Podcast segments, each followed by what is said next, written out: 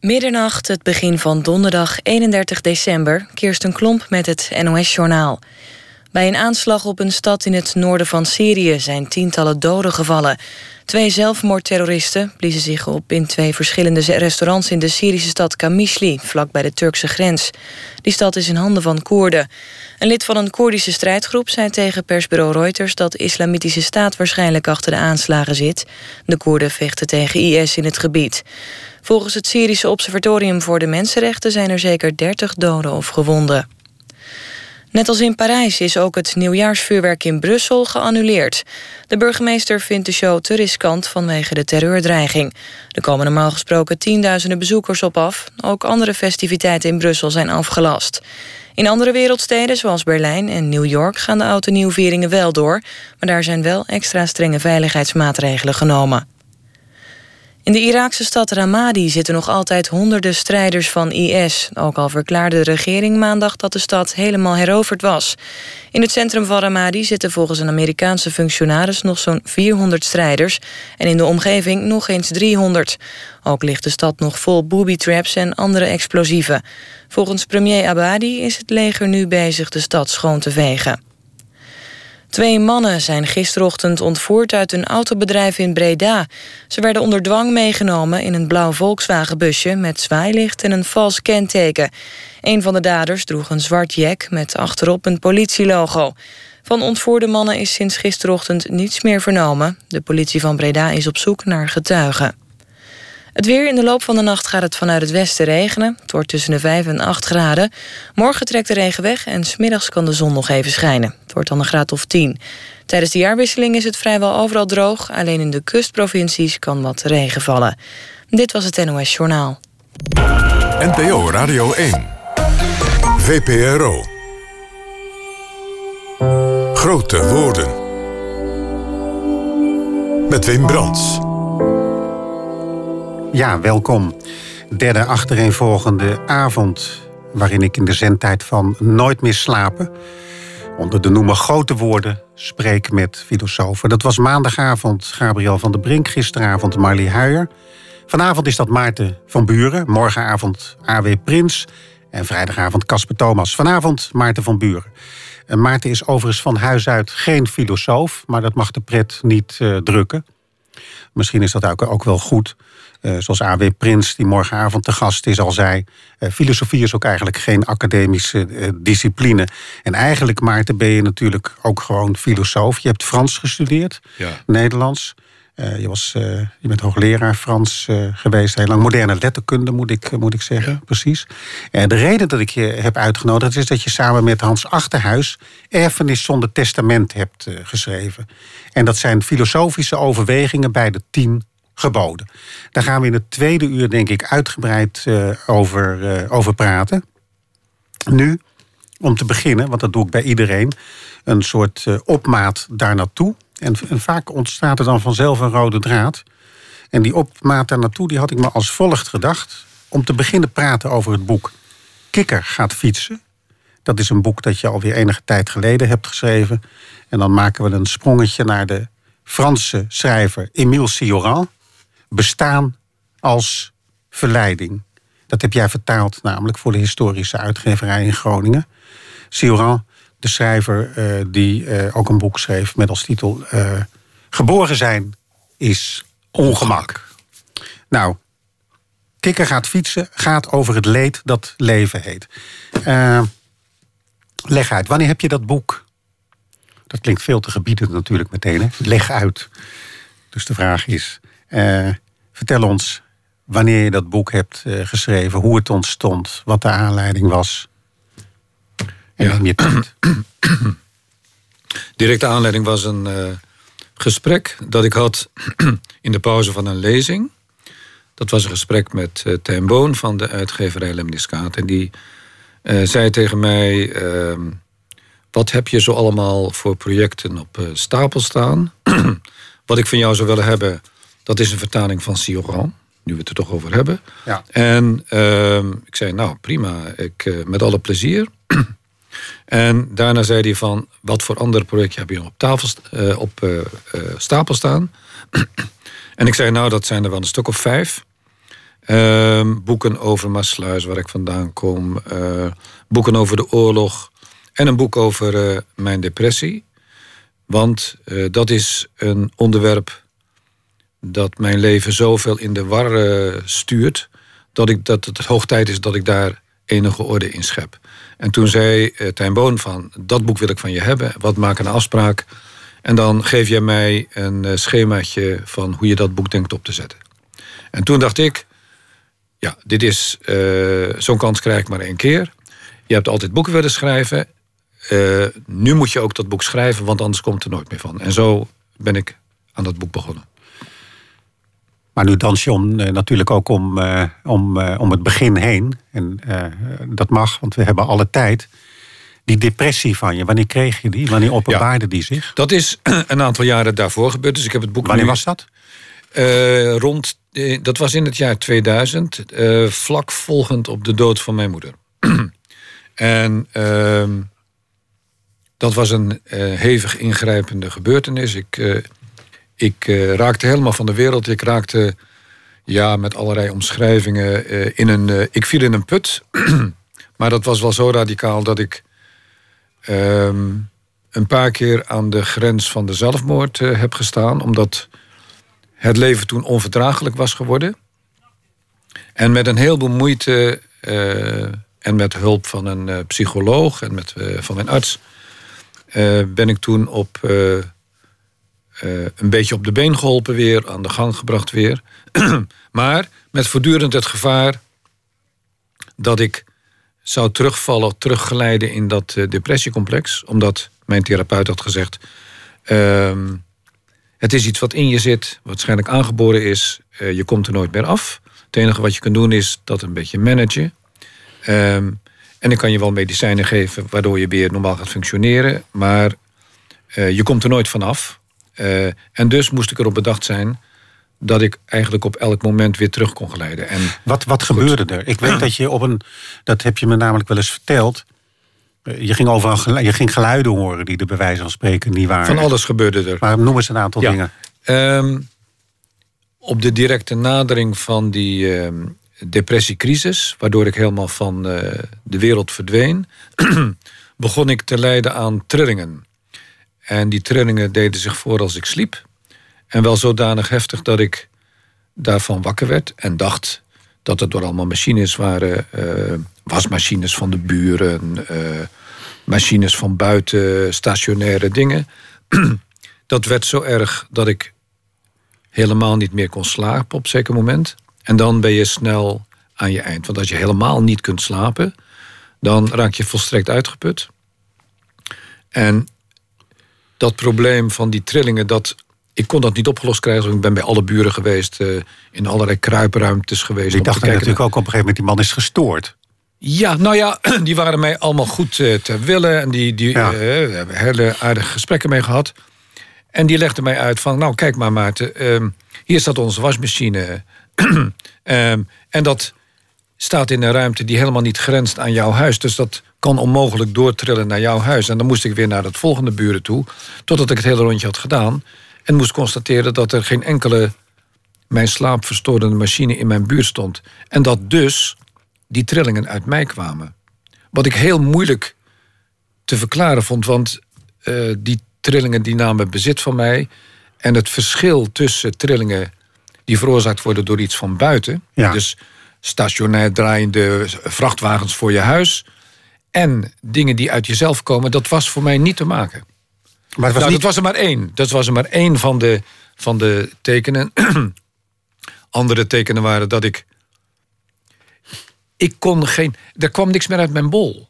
Ik merkte in het, eh, zeg maar het halve jaar daaraan het jaar daaraan voorafgaand, dat als ik iets probeerde te schrijven, uh, een artikel of een boek, dat ik mij daartoe kon zetten.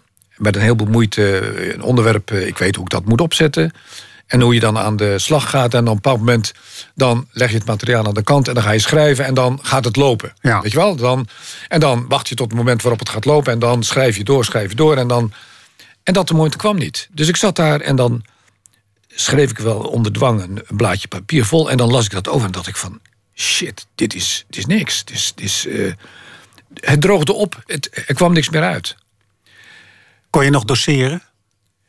Doseren kon nog wel. ik heb nog wel eens aan mijn eh, studenten gevraagd van of ze iets vreemd aan mij gewerkt hebben. Uh, aan mij gemerkt hebben. Toen heb ik ze ook gevraagd nadat ik op zeker moment een aantal nachten niet had geslapen en zo werkelijk uitgeput was dat ik dacht van ja, ik kan geen college meer geven. En toen ben ik uh, in dat besef ben ik naar de collegezaal gegaan. Dat was helemaal bovenin een gebouw aan het Janskerkhof. En met een briefje in mijn hand uh, van uh, docent is ziek, kan geen college geven. Want dan heb je geen mensen meer voor die dat voor je doen. Dat moet je zelf gaan doen. En ik kon geen pen vinden, dat duurde enige tijd. Ik wilde dat briefje ophangen. En toen kwamen de eerste studenten al naar boven. En toen kon ik dus geen briefje meer neerhangen van docent is ziek. En ik heb toen dat college gedraaid eigenlijk al op de automatische piloot. Echt op de automatische piloot, zonder dat ik er zelf bij was. En heb achteraf gevraagd aan studenten van uh, of zij niet door hadden dat ik aan het omvallen was. Want de dag daarna was ik echt van de wereld verdwenen en uh, heb ik met niemand meer gepraat uh, gedurende lange tijd. En toen zeiden ze van nee, hadden niks gemerkt. Dus blijkbaar er kikt iets in, zeg maar, als je voor die lessenaar staat voor een zaal studenten, van jarenlange routine, zodat je inderdaad op de automatische piloot zo'n college kunt doen. En wel zodanig dat niemand er iets van merkt. Had je enig idee waarom, of heb je dat nadien gekregen, waarom je die depressie gekregen had, of niet? Nou, daar was het probleem. En dat probleem was zo complex dat ik daar een boek over moest schrijven. Ja. Want ik had een vermoeden van. Een van de dingen die ik eerst niet door had. Kijk, mijn eerste vermoeden waarmee ik ook naar de therapeut ben gegaan, was dat ik mij veel te druk had gemaakt in mijn werk. Ik was van allerlei dingen begonnen. Expertisecentrum Frans, eh, naast mijn gewone werk van hoogleraar. Met college geven, met boeken schrijven, met weet ik het wat meer. Dat had ik mezelf mee overbelast, dat wist ik. en dat was zeker een van de aanleidingen voor uh, wat ik toen beschouwde als overspannenheid of burn-out. Daarmee ben ik naar die uh, therapeut gegaan. En die therapeut zei van ja joh, dat kan wel meespelen, maar dat is niet de echte oorzaak. Die ligt veel dieper. En daarom is het ook een depressie. En toen, via allerlei associatieve kliks, kwam ik erachter dat het de meer diepere aanleiding lag in de relationele sfeer. Het was uitgeraakt met mijn relatie, met wie ik een dochter heb. Een relatie waar ik zeer erg aan hing, waar ik me aan vastklampte, die ik tot alle prijs wilde uh, volhouden, in stand wilde houden. En dat was mij in de afgelopen jaren niet gelukt. En langzamerhand begon het besef te dagen dat die depressie onder andere een uitputting was van die pogingen. Dus ik had mezelf volledig uitgeput in de poging om dat, die relatie gaande te houden en in de weekendrelatie mijn dochter te zien. Uh, dat lukte mij steeds minder.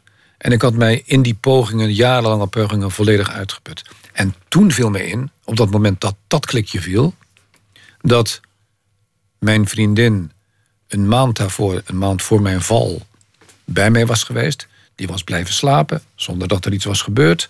En die had naast mij gelegen. En mijn associatie was, wij liggen hier als grafbeelden naast elkaar. En dat was de nacht geweest waarop ik voor het eerst dat ik me herinnerde, last van trillingen kreeg. En dat die herinnering, die kreeg ik pas achteraf op het moment dat de therapeut mij vroeg van hoe dat nou zat met die trillingen. Kon je me daar iets van herinneren?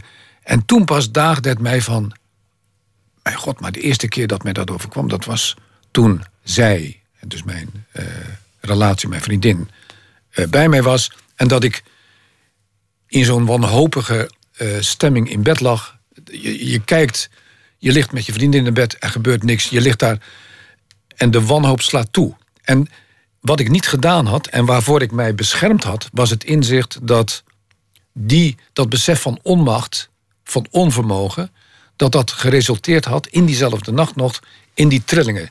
Die zich, de, mijn spanning uitte zich uh, in mijn lijf eenvoudigweg. En dat was het punt waarop ik begon te knakken. Maar je besef van het beschermen van wat je het meest dierbaar is, is zo sterk dat je er allerlei dingen voor zet als aanleiding van waarom je eigenlijk in de depressie bent geraakt. En die aanleidingen die had ik snel gevonden. Dat was mijn werk. Ik had me veel te druk gemaakt. Ik had zus, ik had zo. En wat je beschermt is het besef dat de eigenlijke oorzaak daarachter ligt en aan iets tast wat je zo dierbaar is. Ja.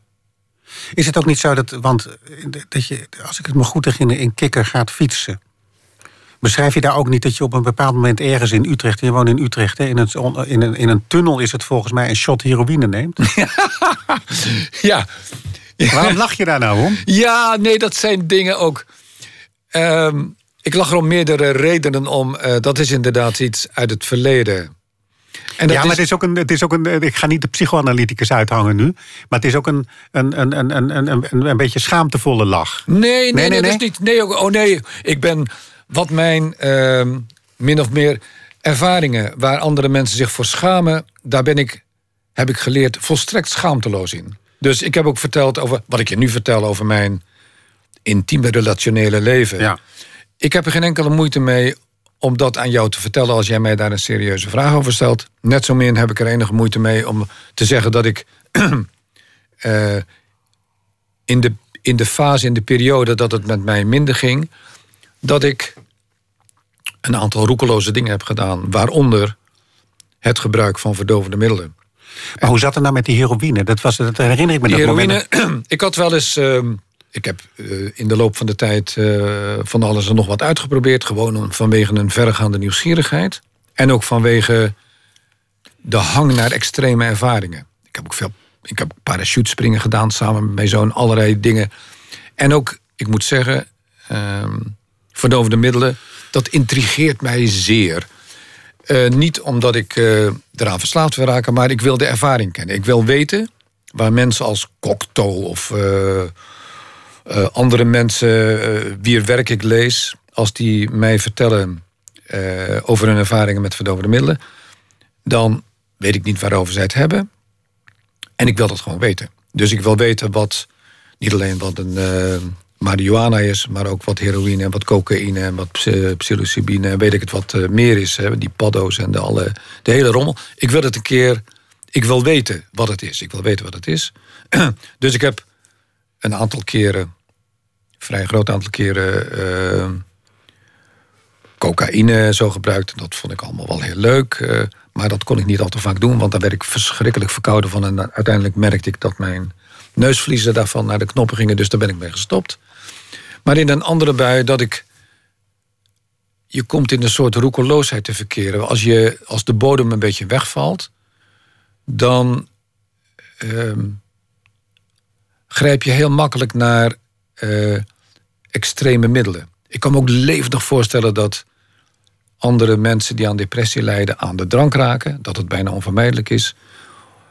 En dat ze ook allemaal een hang hebben naar verdovende middelen. Naar iets van een verdwijnpunt bijna. En dus, het was een hele rare... Ik moet ook medelachen omdat het allemaal op een zo bijna komische manier gebeurde. Ik was op een zaterdag, een vrije zaterdag... was ik op weg naar Dordrecht. Naar het Dordrechts Museum. Ze hebben een prachtig museum daar. Met uh, uh, Nicolaas Maas en allerlei andere prachtige schilders die me interesseren. Ik was op weg naar de trein. Uh, want ik ging naar dat museum en ik ging er een mooi dagje van maken. En op weg naar de trein kwam je ooit uh, in Utrecht, een jaar of 15 geleden, 10, 15 geleden, was er voor de ingang naar de uh, station was er een grote tunnel. Bedoeld voor vrachtwagens die daar spullen gingen afleveren voor Hoogkaterijnen. En in die tunnel die was in bezit genomen door de junks. Dus dat was een Piranesi-achtig fantastisch hol waar heel donker en daar een soort filmscène. Ja, ja, ja, daar liep van alles in en uit. En daar hing van alles tegen de muren op uh, stukjes karton. En dat snoof daar en deed daar. En ik wist dat als je iets van drugs wilde hebben... dan moest je een van die vage figuren aanspreken... bij de ingang van die tunnel. En ik liep daar voorbij in de richting van mijn trein. En daar stond zo'n man voor die tunnel. En opeens stond ik stil. En ik vroeg aan die man van... God, uh, kan ik ook wat uh, heroïne bij jou scoren. Echt, het, uh, ik niet over nagedacht. Ik deed dat eenvoudig. Omdat het blijkbaar in mij leefde. En die kerel, die, ja, die Azen die wilde dat eigenlijk niet doen. Hij zei van, god, weet je wel hoe gevaarlijk dat is? En die wilde mij eigenlijk aan iets eh, simpels eh, helpen. Ik zei, nee, nee, ik weet echt dat ik dat en dat. En weet je dan wel dat je... Nou, eh, ik heb daar een half uurtje gewacht. En daarna had hij het spul voor mij opgehaald. En daarna ben ik in die tunnel verdwenen. En toen kwamen er mensen langs. Een verslaafde junk mevrouw. En die zei van... Jongen, weet je wel hoe je dat moet gebruiken eigenlijk? Ehm, ik zeg, nou ja, ik weet het niet. Ja, daar heb je een pijpje voor nodig. En, uh, dat heb jij niet? Nee, dat heb je niet. Weet je wel, ik zou je helpen. Nou, het was voor een deel echt goede bedoelingen. Voor een deel natuurlijk ook van dat zij dacht van... hé, hey, daar pak ik wat mee, dan pak ik wat van mee. Ze heeft ook wat meegekregen. En met die tamelijk vage mevrouw... ben ik in die tunnel verdwenen. Stukje karton.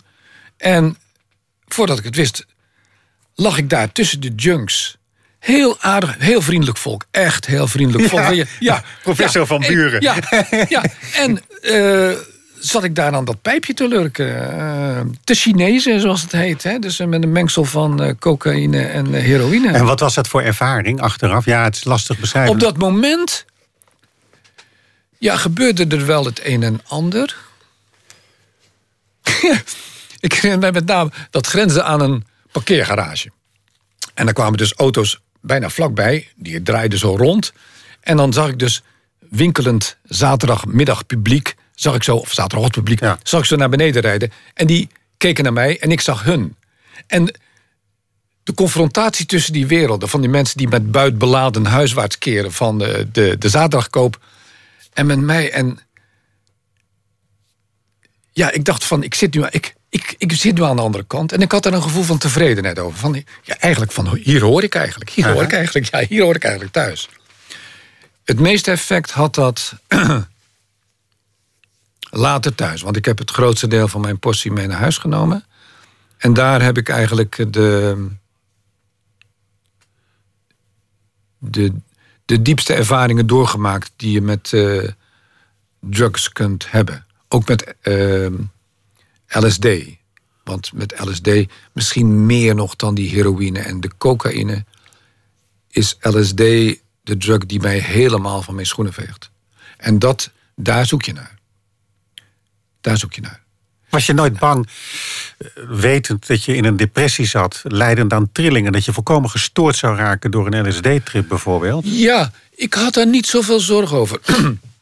Wat ik meestal wel deed, was, want aan de ene kant ben ik, uh, neem ik risico's, aan de andere kant uh, is het een soort calculated risk. En zorg ik ervoor dat ik uh, goed terechtkom. Wat ik bijna altijd deed was dat ik telefonisch contact opnam met mijn vriendin.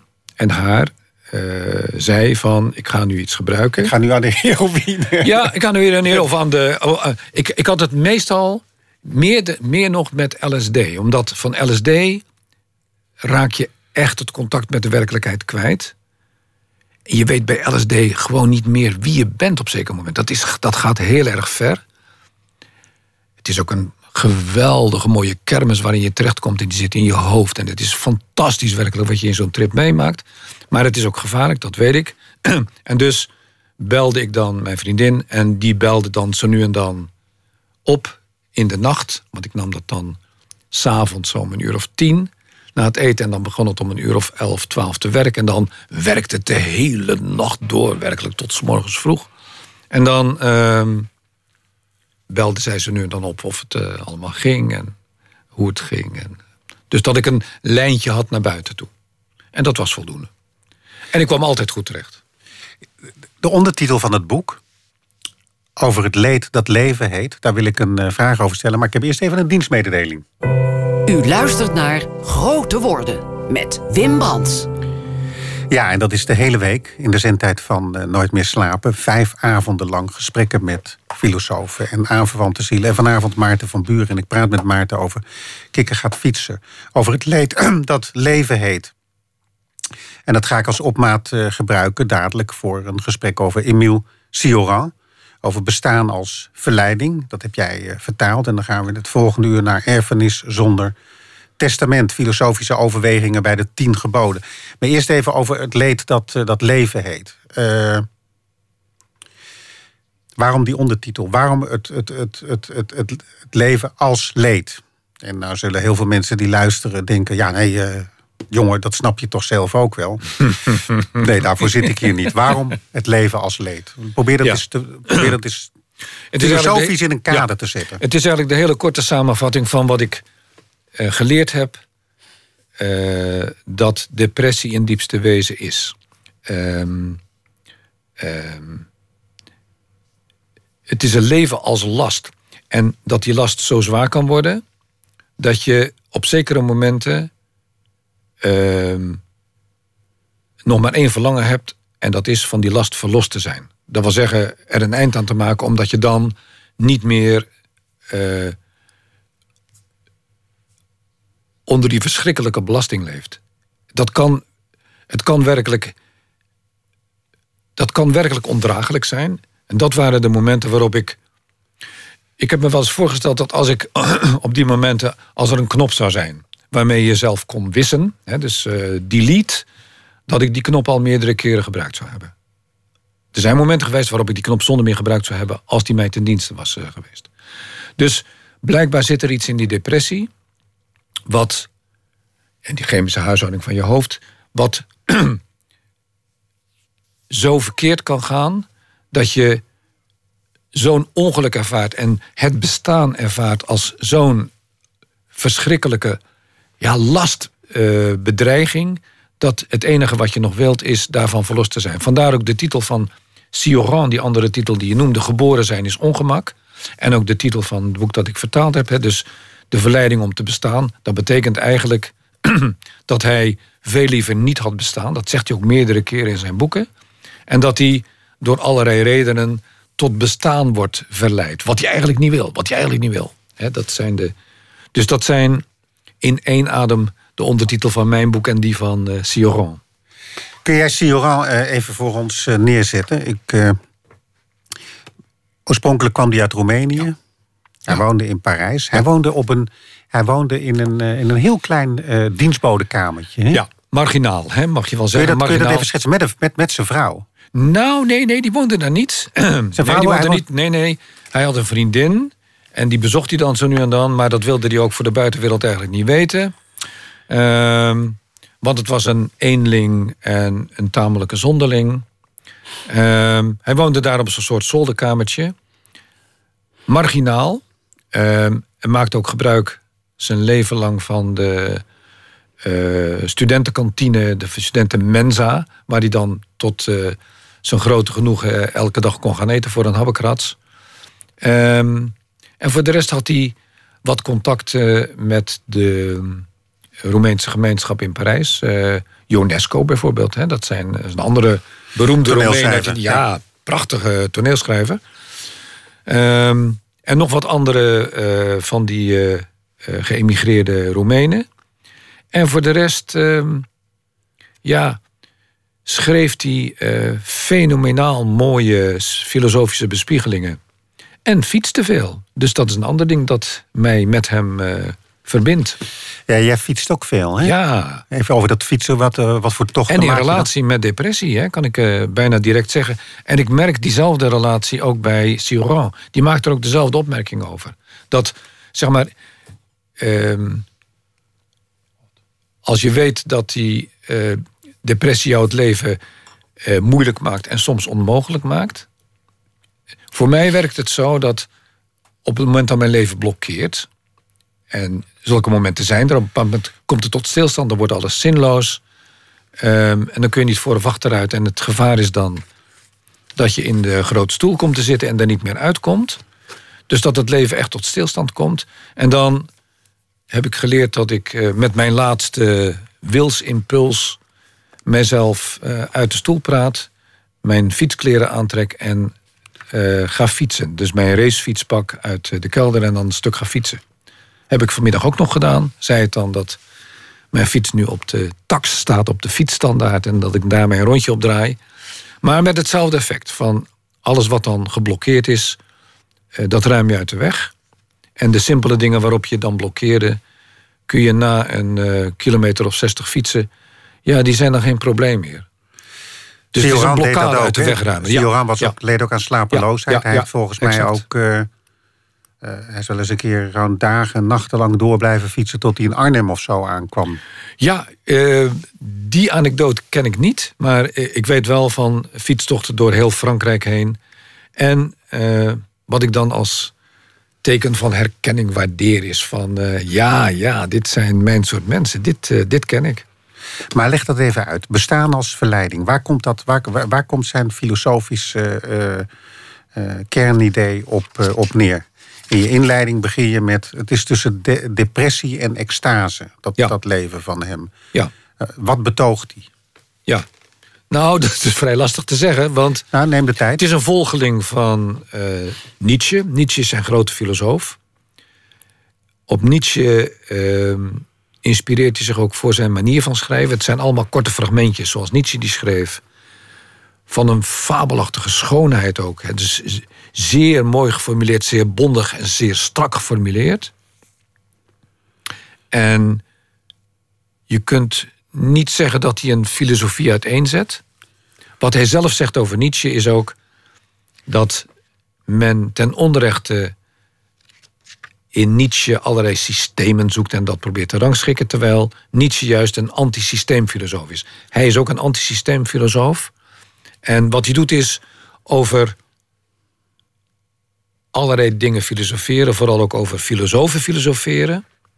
Uh, over het leven filosoferen. Hè, dus uh, dat je niet denkt dat het allemaal abstracte gedachten zijn. Nee, het zijn allemaal heel concrete dingen. En een hoofdlijn in die gedachten en in die bespiegelingen is dat gegeven wat ik uit de depressie ook uh, terdege ken. Uh, het leven ervaren als een ondraaglijke last. En manieren proberen te vinden om die last draaglijk te maken. En een van zijn manieren is. Think your way out. Dus uh, als, je in, als je als een kat in het nauw zit, dan maak je rare sprongen. En Sioran, die leert mij dat je dan denksprongen maakt. Dus je kunt je uit zo'n benarde situatie denken. Door allerlei onorthodoxe gedachten te ontwikkelen. Dat is wat hij doet. Ja? En, maar, maar, ja, nee, ga maar door. En? en zeg maar, de tweede term die jij terecht noemt in combinatie met depressie, namelijk dat idee van extase. Dat is dat moet je ook zien dat wat hij onder extase verstaat, is de verlossing uit de depressie. De verlossing uit de depressie en al, alle oefeningen die hij inzet, fietsen, denken, eh, om misschien ook wel drugs of andere dingen. Er zijn een aantal dingen te noemen waardoor je ways out, om het zo maar te zeggen, uit die, uit die benarring, uit die, uit die beklemming. Ehm, slaag je daarin, dan is het alsof een kurk van een champagnefles gaat en dan, dan, dan ben je bevrijd. Dan ben je bevrijd. En ik kan mij zo levendig indenken in zijn omschrijving van extase als die bevrijding uit die beklemming, ehm, dat ik ook een end meega in zijn bespiegelingen over mystici. Hij heeft een hele grote voorkeur voor. Hij is heel goed thuis in uh, theologie. Een beetje de marginale theologie van de mystici. Ja, meester, meester Eckhart, uh, Angela van Foligno, noem maar wat op. Johannes uh, van het Kruis. Johannes van het Kruis. Hij kent ze allemaal. Hij heeft ze gelezen. Hij geeft er prachtige commentaren op. En wat hij in hun ervaart, in hun ervaringen leest, is dezelfde bevrijding die hij ervaart uit zijn als hij uit zijn depressie kan ontsnappen. Dus depressie aan de ene kant, beklemming, bedrukking. Uh, uit de, uit de uiteindelijke, de grootste benarrenis, een uitweg proberen te zoeken. En als je daarin slaagt, dat is het een extatische bevrijding werkelijk. Maar hoe gaat die mystieke ontsnapping? ja, dit... Die mystieke ontsnapping, ehm, daar zit een hele uh, gedachtegang achter die te maken heeft met het denken over mystiek na de godsdienst, om het zo maar te zeggen. Dus het vreemde in de 20e eeuw is dat een heleboel denkers na hebben gedacht over extase, doordat hij zich daar zeer door hebben aangesproken gevoeld. Georges Bataille is een andere Ja. hele grote denker in mijn optiek, die heel veel aandacht heeft eh, eh, gegeven aan moderne mystiek en het begrip extase. En de aandacht die hij daaraan geeft is zo interessant, omdat hij beredeneert hoe je extase moet interpreteren, hoe je mystiek moet interpreteren in een wereld zonder God. In een wereld zonder God. Hoe moet je je dat voorstellen? En Bataille en ook Sioran hebben daar prachtige gedachten over. Vertel eens. Wat Bataille en ook Sioran doen is. Vooral Bataille doet dat. Bataille zegt van. Er is een onweerstaanbare drang tot extatische ervaringen. Ik ken die ook, als ik daar in die eh, gang lig bij het ja, station. ja. Precies. Ehm, hoe moet ik dat verklaren? Waar komt dat uit voort? In een wereld waarin je niet meer uit kunt gaan van het bestaan van God. En Bataille die zegt.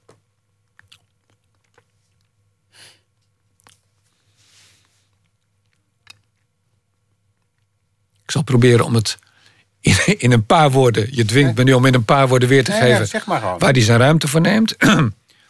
Ehm Bataille die zegt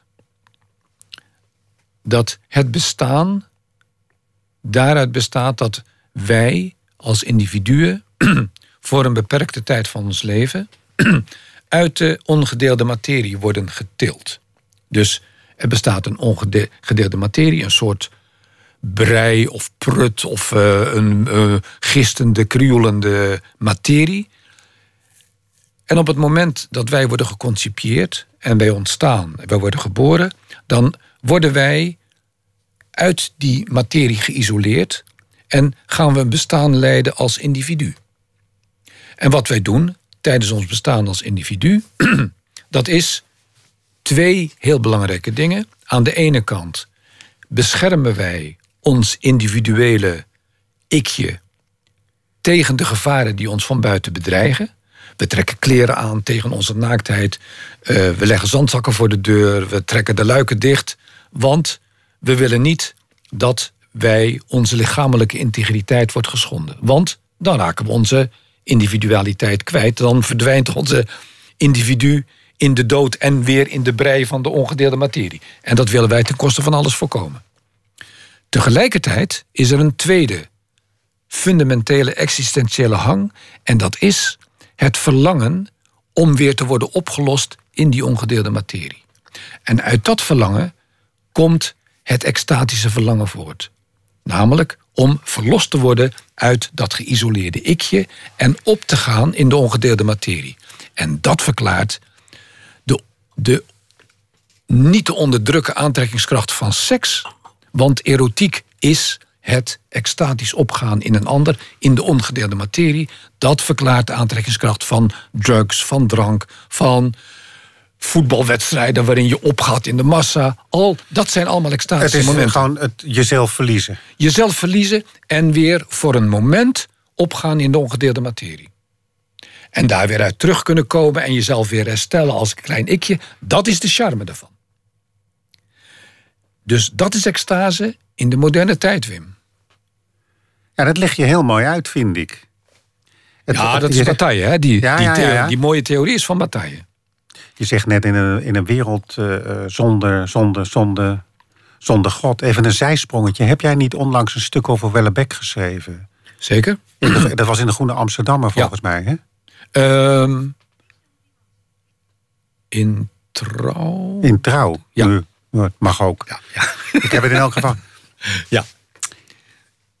Ik, ik weet niet hoe ik hier nou opkom, maar dit is een programma over filosofie, hè? dus dan mag Ja. je overal opkomen. Denk je niet dat hij weer dat, dat die man katholiek gaat worden?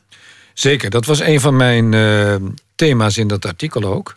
En het is helemaal niet vreemd om hem hier te noemen, want hij is een, Nou, daarom hij is een filosoof. En een filosoof die ook zeer bezig is met God. En de meeste mensen kijken eroverheen omdat ze in hem alleen maar de herrieschopper eh, herkennen. Wat hij ook is.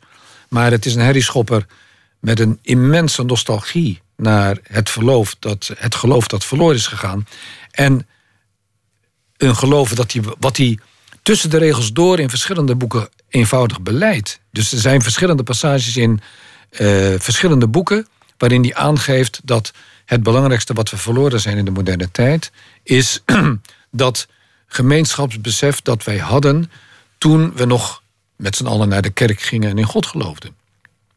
En dus volgens mij is hij dat geloof in diepste wezen niet kwijt. Ehm, is hij daar nog steeds over bezig? In zijn laatste boek beschrijft hij ook een soort pelgrimstok die hij heeft gemaakt naar de Zwarte Madonna en Rocamadour. en hij beschrijft dat in termen van zijn hoofdpersoon, maar omdat zijn hoofdpersoon een dubbelganger is van hemzelf. Ik weet zeker dat dat een ervaring is die hij zelf heeft ondergaan. En daar bij die Zwarte Madonna, daar staat hij op het punt om zich over te geven aan de immense indruk die dat beeldje op hem maakt. En weer zich over te geven, terug te stappen in het geloof van zijn jeugd. En dan zijn er bijkomstige redenen die dat verhinderen, zodat hij weer terugtreedt. En zodat Wellebeck van nu weer blijft hangen in dat heen en weer getrek van aan de ene kant verlangen naar het geloof en aan de andere kant uh, daar niet in kunnen, uh, uh, aan, die niet aan kunnen toegeven. Zeker. Maar, maar ja, ik kom dus associatief niet voor niets op hem. Dit hele uur gaat tot nu toe wat dat betreft over geloof, over mystiek. En dat is een mooie, denk ik, opmaat voor het gesprek straks over erfenis zonder testament. Over de filosofische overwegingen bij de tien geboden. Wat je samen met Hans Achterhuis eh, hebt, eh, hebt, hebt geschreven. Maar even, even terug naar wat je, wat, je, wat je zei. Je zegt, kijk, in een wereld zonder God, hoe moet je dan. Hoe, hoe, wat, ja. ja, dit klinkt heel stom wat ik nu zeg, maar dat, is, eh, dat, dat kan helemaal geen kwaad. Wat heeft het dan nog voor zin om, om, om je weer tot het katholicisme te bekeren, zoals in zijn geval? Dat zou ik ook zeggen. Dat zou ik ook zeggen. Maar wat zou hij zeggen? Um, hij zou zeggen dat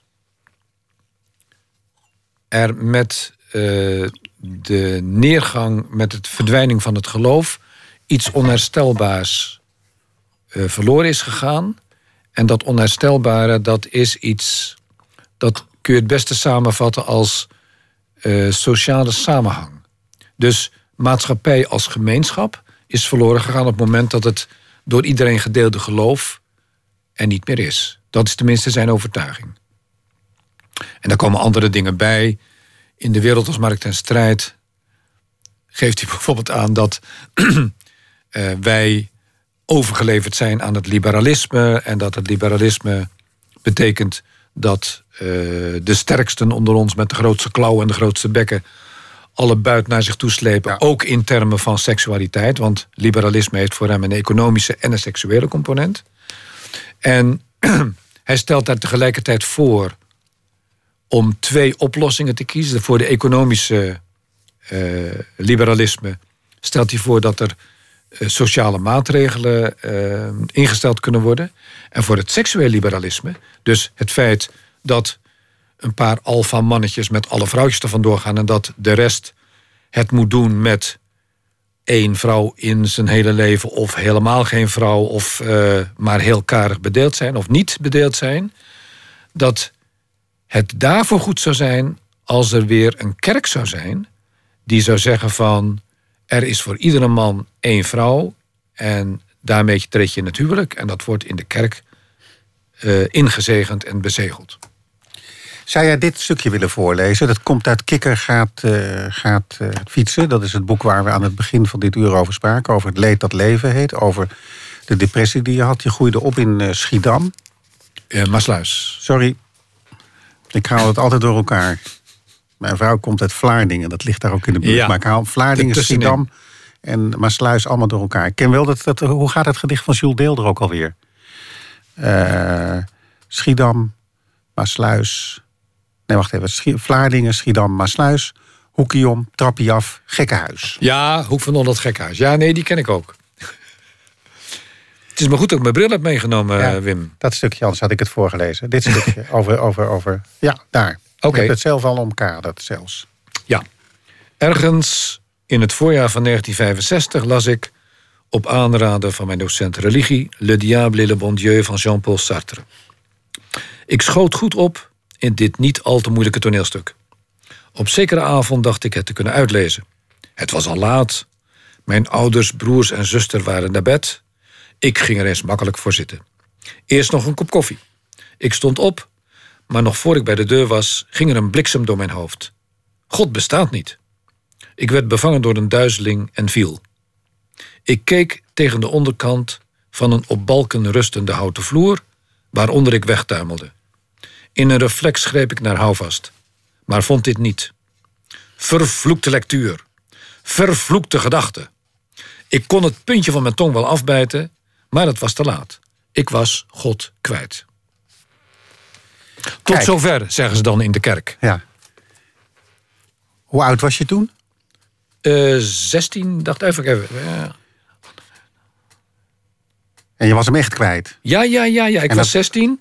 Was dat En- een gevoel van paniek, zoals je dat la- later tijdens je depressie zo Het was een gevoel. Ik, ik, ik zat daar op de grond en wat ik wilde doen was. in die reflex terugklabbelen op die vloer waarop ik stond. En ik besefte op dat moment dat ik met het wegtuimelen onder die vloer. dat mij dat nooit meer zou lukken. Dus met het toelaten van de gedachte van. er is helemaal geen God. Da- dat was een point of no return. Ik kon niet meer terug. En sindsdien heeft mijn, mijn leven heeft in het teken gestaan van dat besef. Ik moet het nu alleen doen zonder de steun van God. Dat is echt. Ik heb wel eens, ik denk wel eens en denk wel eens vaak dat al datgene wat ik sinds die tijd heb gedaan, ook alle boeken die ik heb geschreven, in feite variaties zijn op dat gebeuren. Ook datgene wat ik nu aan het doen ben met Spinoza en wat ik in Spinoza herken, is identiek hetzelfde als wat mij is overkomen. Ja, daar gaan we het straks over hebben, want het komt bij de tien geboden aan de orde. Spinoza zeker. Maar even eh, terug naar dat moment. Oké, God is weg. En, en wa- wat voor rol speelde hij voordien in je leven? Je komt uit een... uit een Immens natuurlijk. Ik Ja, je kom, komt- kom uit Maasluis. Ja. Kom uit Maasluis. Mijn, Ja, maar dat- eh, de dat- hele familie, eh, dat zijn... eh, die waren in de Heer. En dat was op een oprechte manier. En eh, zondags naar de kerk. En eh, op een school met de Bijbel. En eh zondagsschool. En de hele mikmak. Het leven was eh, ingebed in. Het was een bad waarin je eh, in je zat. Je kon het leven en de hele optiek op het leven eenvoudig niet voorstellen zonder God. Zo nu en dan denk ik wel eens van ehm, dat de aanwezigheid van God in Maasluis voelbaar was alsof er een helikopter boven je huis hangt. Ken je dat gevoel? Dus je kunt hem niet zien, maar je hoort. Zo, zo aanwezig was God in Maasluis. Zo, zo aanwezig was zijn aanwezigheid. En dus op het moment eh, dat je dan zo eh, om een uur of één s'nachts na je lectuur eh, van Sartre opeens in een flits beseft van die God bestaat helemaal niet, dan verdwijnt je hele wereld. Dan sta je opeens helemaal kaal alleen. In je naki, zal ik maar zeggen. En je kunt niet terug, want ja, nee, eenmaal weg is altijd weg. En dus, ja, die, dat inzicht, dat was, is voor mij enorm geweest. Maar je ging waarschijnlijk... eh, hoe vaak ging je naar de kerk op zondag? Wij gingen slechts één keer naar de kerk. Slechts Ja. één keer naar de kerk. Dat kwam ook omdat mijn vader. eh, die nam het er een beetje van. Hè, dat, eh, die. mijn vader. Ja, die. Ik geneerde mij een beetje voor mijn vader zo nu en dan. Hè, in ieder geval in termen van het geloof. Want mijn vader. Die, eh, wij hadden een verhuisbedrijf. En mijn vader die werkte heel hard.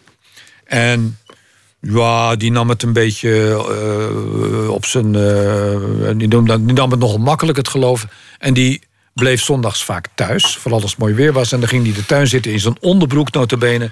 Met zijn benen in een teiltje met water. En dan nam hij een pilsje en dan ging hij wat een krantje lezen. En Hij was Ja. niet gelovig genoeg, vond je? Nee, nou ja, dit, dat, dat waren ook manieren, dat kon gewoon niet. En min of meer als protest, jij moet je voorstellen, ik, ik als 12, 14 jaar jongetje, ik, eh, ik vond dat niks. En dus wat ik deed was, ik bleef dan ook in het zomerse weer binnen zitten, in mijn overhemd met strop. Mijn ouders. En ging dan naar de kerk. Een beetje de omgekeerde wereld, hè? Ja, nou ja, omgekeerde wereld. Een beetje als protest van. Uh, zon, er, is, er is iets als zondagsheiliging. En uh, zondags, dan speel je dus niet. Uh, je gaat ook geen rare dingen doen. je trekt je goede kleren aan en dan ga je mee naar de kerk. Maar je, je, je maakt er niet een potje van door als mijn vader daar maar in de tuin te gaan zitten en in zijn onderbroek te gaan zitten, nota bene. Alsof hij er helemaal lak van heeft. Nee, ja, dat, dat kan niet zonder niet alleen decorumverlies, maar ik vond dat een soort zelfverlies. Dat deed je niet. Dus uh, kun je. Lachwekkend natuurlijk, zo'n eigenwijs jongetje dat dan in zijn stropjas. Maar goed, je kunt je voorstellen dat als je op je zestiende uh, uit zo'n geloof valt, dan, dan blijft er eigenlijk niks over. Want alles waarbinnen je zit, je familie, uh, de school, heel Maasluis. Want heel Maasluis staat in het teken van God en van de godsdienst. Dat, dat kotst jou uit. Zeg maar, op het moment dat je die gedachte toelaat, dan sta je er buiten. En dan, uh, ja, dan ben je in, de, in de buitenste duisternis geworpen. Even over je moeder. Ja. Want uh, die, die, kwam eerder in dit gesprek ter sprake omdat je zei na de dood van je moeder. Ja. Sloeg ook je de, de depressieveld. Uh, je moeder was, was. Ja, maar niet om oorzakelijke reden. Nee, nee, nee, nee dat, dat, dat, had ik nog niet gezegd ook. Goed. Nee, we gaan hier geen psychoanalyse bedrijven volgens het APC van de psychoanalyse. Maar je moeder was natuurlijk gewoon streng gelovig. Ja, daar zat ook een ontwikkeling in. Want mijn moeder was ook een heel recalcitrant iemand. en die was wel gelovig. En die was vooral ook meer van het decorum. Dus die ging ook vanwege de beide grootouders, die streng in het geloof stonden, ging zij met de kinderen elke zondag naar de kerk. Want zo moest het. En dan na de kerk gingen we op de koffie bij mijn opa van Buren in de garage, boven de garage. En daar was de koffie met gebak. Zo ging dat elke zondag. Zo hoorde dat ook. En mijn moeder respecteerde dat. Aan het eind van de leven, in de loop van haar leven, nadat de kinderen uit huis waren, is zij ook wat losser geworden in het geloof. Ging ze ook uh, naar katholieke kerkdiensten. Dat dingen. Dus dat wel een geloofbesef en daar doe je wat aan, maar dat werd allemaal wat losser. En dat had ook bij mij ook zoiets van, ja, nou ja, of je doet eraan, of je doet er niet aan, maar niet dat halfslachtige gedoe of uh, zo met de kerst naar een uh, kerstmis in de katholieke kerk. Dat vond ik allemaal maar niks, eerlijk gezegd. Kun je mij uitleggen, want we hadden het in dit uur ook over de extase. Hè, en het verlangen naar de extase. Ja. Zoals jij die heroïne gebruikt in een tunnel in Utrecht. Zoals Bataille de extase uitlegde. Zoals je de extase kunt voelen bij een, uh, bij een voetbalwedstrijd als, als toeschouwer. Maar er is op de een of andere manier ook een relatie tussen dat gereformeerde geloof en een hang naar extase. Ik zit nu aan Jan Siebelink te denken, bijvoorbeeld.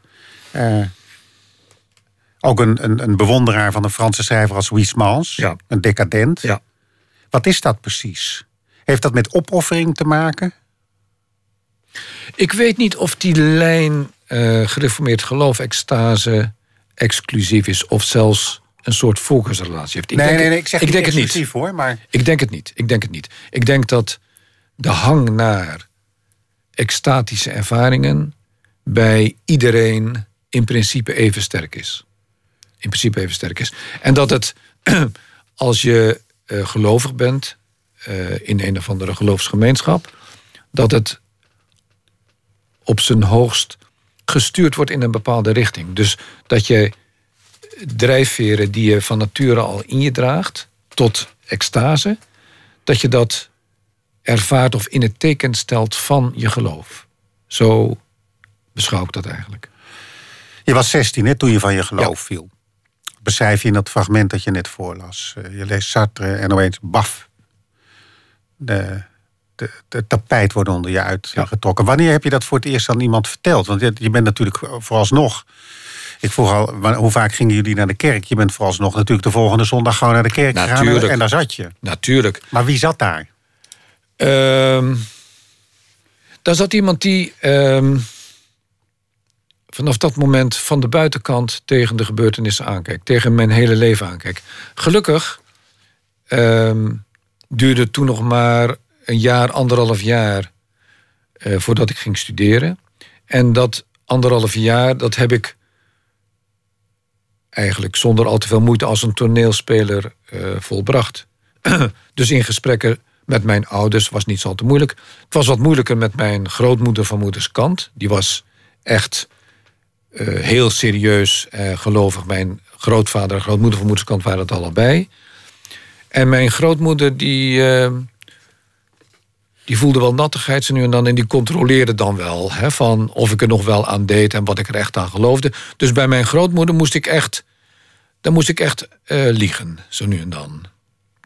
Ik herinner me dat zij een jaar, of nee, of twee jaar... tweeënhalf jaar, nee, nee, dat was nog iets anders een jaar of vier nadat ik uh, uit Maasluis was weggegaan, naar Groningen toe. Daar ben ik al vrij snel uh, de vriendin leren kennen die mijn vrouw is geworden. Wij kregen ook al heel snel een zoon. Uh. En toen Reinoud een jaar of twee was... dat was zeggen een jaar of vier nadat ik was uh, begonnen met mijn studie... Ehm, ging ik naar mijn sluis toe. En bij mijn oma langs, oma Weda. En bij het weggaan uh, drukte oma Weda mij een tientje in de hand, zo, met haar hand erop. En die zei van, jongen, dit is voor een bijbel voor Reinoud. Ik denk dat ze nattigheid voelde dat ik dat niet uit mijzelf al had gedaan. En, bijbel. En prompt, de volgende keer met de kerst, dat ik daar weer terugkwam... Uh, was natuurlijk de vraag van, en heb je een Bijbel voor Reinhard gekocht? En dat was een van de weinige keren dat ik ronduit gelogen heb tegen mij. Heb ik gezegd, ja, nee, een jeugdbijbel met plaatjes. Ik heb het er nog helemaal uitgelegd, zo ik heb het uh, ter plekke uit mijn hoofd getoverd. Uh, want ik wilde mijn grootmoeder niet confronteren met het feit dat ik uit het geloof was gevallen. Want dat was voor haar onbestaanbaar en dan kwam je in de hel en weet om die niet meer. En ze was toen al ruim op leeftijd. En eh, dat soort, dat soort gesprekken ga je dan niet meer aan. En dat is dus een van de weinige gelegenheden geweest waarin ik mensen die mij dierbaar waren heb voorgelogen. Maar eigenlijk omdat ik niet anders kon op dat moment. Als je terugdenkt hè, aan de tijd dat je gelovig was. Ja. Wat mis je dan het meest? Of wat mis je dan? En of je wat mist. Nee, maar wat mis je? Um, ik zou niet herhalen uh, dat ik iets mis. Um, ik ben iets kwijtgeraakt, zeker. Ik ben iets kwijtgeraakt. En wat ik kwijtgeraakt ben, is de geborgenheid die een geloof biedt. En dat is een van de grote winsten van de boeken die ik over Maasluis heb geschreven. Ook het boek uh, dat ik over mijn depressie heb geschreven en de rol van Maasluis daarin ik ben dat begonnen in het idee van... nou zal ik ook eens eventjes zeggen... wat ik denk dat Maasluis daar voor kwalijke invloed op heeft gehad. Want dat heeft het. Depressogeen, zal ik maar zeggen. Maar tijdens het schrijven heb ik ontdekt... dat uh, het geloof, de hele omgeving... mijn beide grootouders... Uh, dat die mij weliswaar hebben opgevoed in dat geloof... Uh, wat mij allerlei zware dingen heeft bijgebracht... van gezonde besef en genade en al die dingen meer. Maar dat het aan de andere kant een grote geborgenheid was. Dus als je in die gemeente zat, dan was je geborgen. Binnen die gemeente. En dat was met name voelbaar bij mijn beide grootouders. Bij mijn ouders eigenlijk niet, maar bij mijn grootouders wel. Dat waren warme kachels van geloof. En daarin, dat was een, een hele warme sfeer waarin je opgenomen werd. En mijn zo bij, mijn beide grootouders gaven mij het gevoel dat. Bij, bij mij thuis moest je niet zijn. Dat was een beetje kale bedoelingen, dat is onprettig. Maar ik kon altijd naar mijn een van beide grootouders. En dan kreeg ik dat gevoel van een warme kachel. En dat was dat geloof. De warme kachel. Maarten, dat lijkt me een prachtige cliffhanger voor het. Uh, ja, Precies. ja, wij zitten te kijken hier. Uh, mensen die dat niet hebben aanstaan thuis, het beeld, de webcam. We hebben hier namaakvuren is een beetje zoals met het geloof het deze geloof. dagen. Hè? Ja. Het een soort namaakvuren zijn het. Straks, in het uh, tweede uur van Grote Woorden... waarin ik praat met Maarten van Buren. Dit was de, wat, want dit uur was namelijk de opmaat voor dat uur. Dan gaan we het namelijk hebben over erfenis zonder testament. Filosofische overwegingen bij de tien geboden.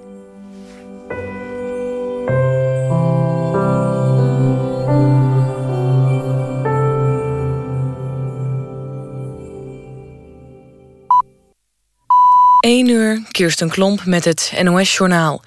In West-Brabant zijn dit jaar de meeste moorden gepleegd, meldt het AD. In het gebied kwamen 17 mensen om door een geweldsmisdrijf. Dat is twee meer dan in Amsterdam, de stad die normaal gesproken de koploper is in het aantal moorden. Volgens de krant gaat het in ongeveer de helft van de gevallen om moorden in het criminele circuit. Hoe het kan dat West-Brabant nu het gebied is met de meeste moorden is niet duidelijk. Er zijn wel veel motorbendes actief in de regio, maar volgens een recherchechef is er geen sprake van een bendeoorlog. Landelijk gezien is het aantal moorden dit jaar juist lager dan ooit. Dit jaar zouden 111 mensen zijn vermoord, tegenover 135 vorig jaar. Bij een aanslag op een stad in het noorden van Syrië zijn tientallen doden gevallen. Twee zelfmoordterroristen bliezen zich op in twee restaurants in de Syrische stad Kamishli, vlakbij de Turkse grens. Die stad is in handen van Koerden. Een lid van een Koerdische strijdgroep zei tegen persbureau Reuters dat de Islamitische Staat waarschijnlijk achter de aanslagen zit. De Koerden vechten in het gebied tegen IS. Volgens het Syrische Observatorium voor de Mensenrechten zijn er zeker 16 doden en 22 gewonden.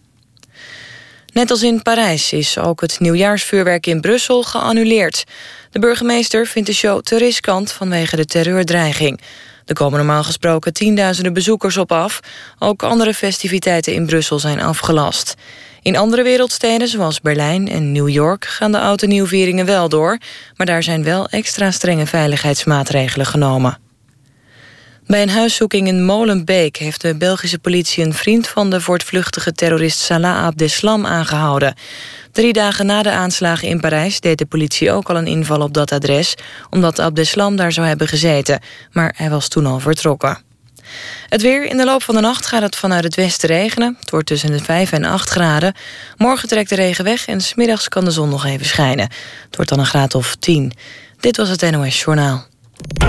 NPO Radio 1. VPRO. Grote woorden. Met Wim Brands. Ja, vijf avonden achtereen deze week van maandag tot en met uh, vrijdag.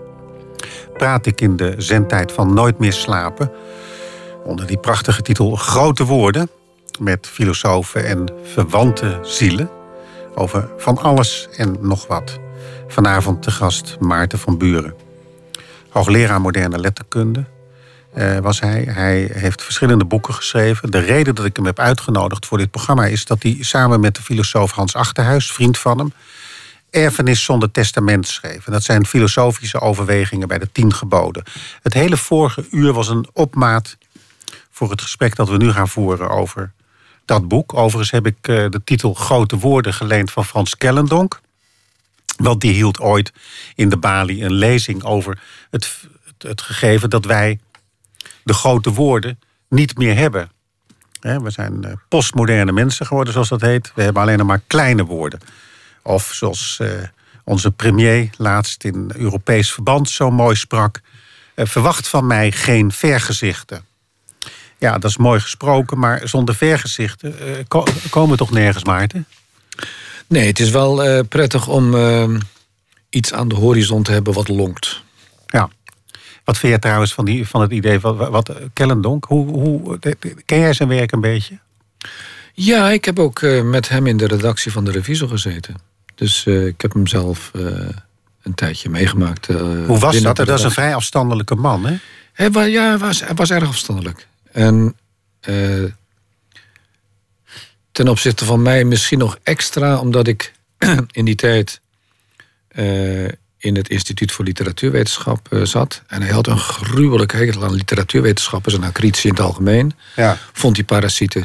Um, en uh, die maar een beetje parasiteerden op het werk wat de eigenlijke schrijvers aan het doen waren. Ik vond dat hij daar wel een beetje gelijk in had. Ik voelde mij ook altijd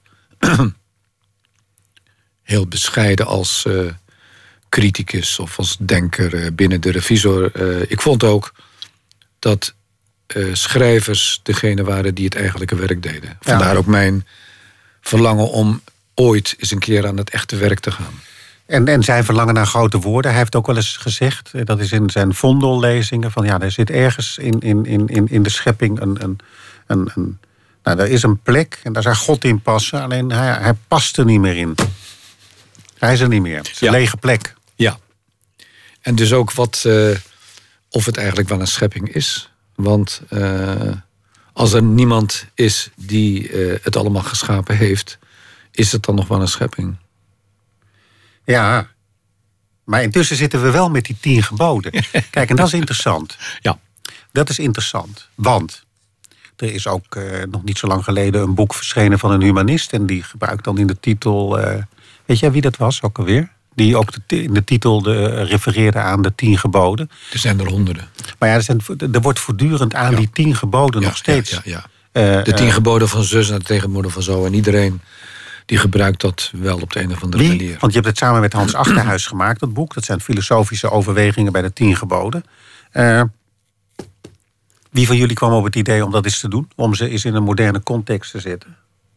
Het was een idee van mij. Ik, ehm, een bepaald moment ehm, kwam ik op de gedachte om ehm, elk van die geboden te bekijken vanuit een moderne eh, filosofie. En toen dacht ik van, ja, ja, ja. ik zou dat het liefst samen doen met iemand anders. En toen dacht ik aan Hans, omdat hij theologisch van huis uit. En omdat bij überhaupt een, eh, een man is met wie ik graag iets eh, wilde doen. En toen heb ik, dat is nu onderhand een jaar of eh, drie, eh, misschien wel vier geleden, contact met hem opgenomen. Gezegd: Hans, eh, dit is het idee, heb je er zin in? en toen zei hij van, nou, ik heb nu erg druk, want eh, filosoof eh, dit en eh, eh, denken des vaderlands. En, eh, maar eh, een jaar, half jaar daarna eh, zijn we erop teruggekomen. En toen eh, was de vraag van hoe eh, pakken we dat aan? Ehm, en toen heb ik gezegd van nou ja, ik heb al in vorige lezingencycli een bepaald format ontwikkeld. En dat eh, valt in vier onderdelen uiteen. Eh, Je belicht de geschiedenis, eh, je gaat in op het Ja. zoeklicht dat je erop zet. En uiteindelijk besluit je met een blok, dat is de toepassing. En zo hebben we het aangepakt. Ken jij ze allemaal uit je hoofd? Nee. Dus die vraag heb je aan eh, Hans wel gesteld. Ja. Maar Hans had zich voorbereid, want je had hem die vraag van tevoren gesteld. Ja, precies. Want Ik heb hem in mijn boekenprogramma op tv over Dus een het zou wel heel vals zijn van jou om mij te vragen. Ja, kijk even allemaal... eh, naar de mensen achter het glas... of die eventjes de tien geboden kunnen prevelen terwijl ze daar zitten. Ze knikken ja. En, eh, nou, ik denk het een eind, maar... mensen, de mensen Ja. thuis mogen dat nu ook proberen. Kijk, we kennen ze allemaal wel, maar ik ga ze toch even in de eerste gebod. Gij zult geen andere goden voor mijn aangezicht hebben. Tweede. Gij zult u geen gesneden beeld maken. Derde. Gij zult de naam van de eeuwige, uw God, niet ijdel gebruiken. Vierde. Gij zult de Sabbat in ere houden. Vijfde. Eer uw vader en moeder. Zesde. Gij zult niet doden. Zevende. Gij zult niet echt breken. Achtste. Gij zult niet stelen. Negende. Gij zult geen valse getuigenis spreken. Tiende. Gij zult niet begeren. Dat is een hele mooie. Daar gaan we niet bij stilstaan, maar daar heeft Hans Achterhuis over geschreven. Gij zult niet begeren. Nou leven we in de meest kapitalistische van denkbare wereld. Die alleen maar om de begeerte gaat. Dus dat gij zult niet begeren wordt dan wel een heel erg lastige.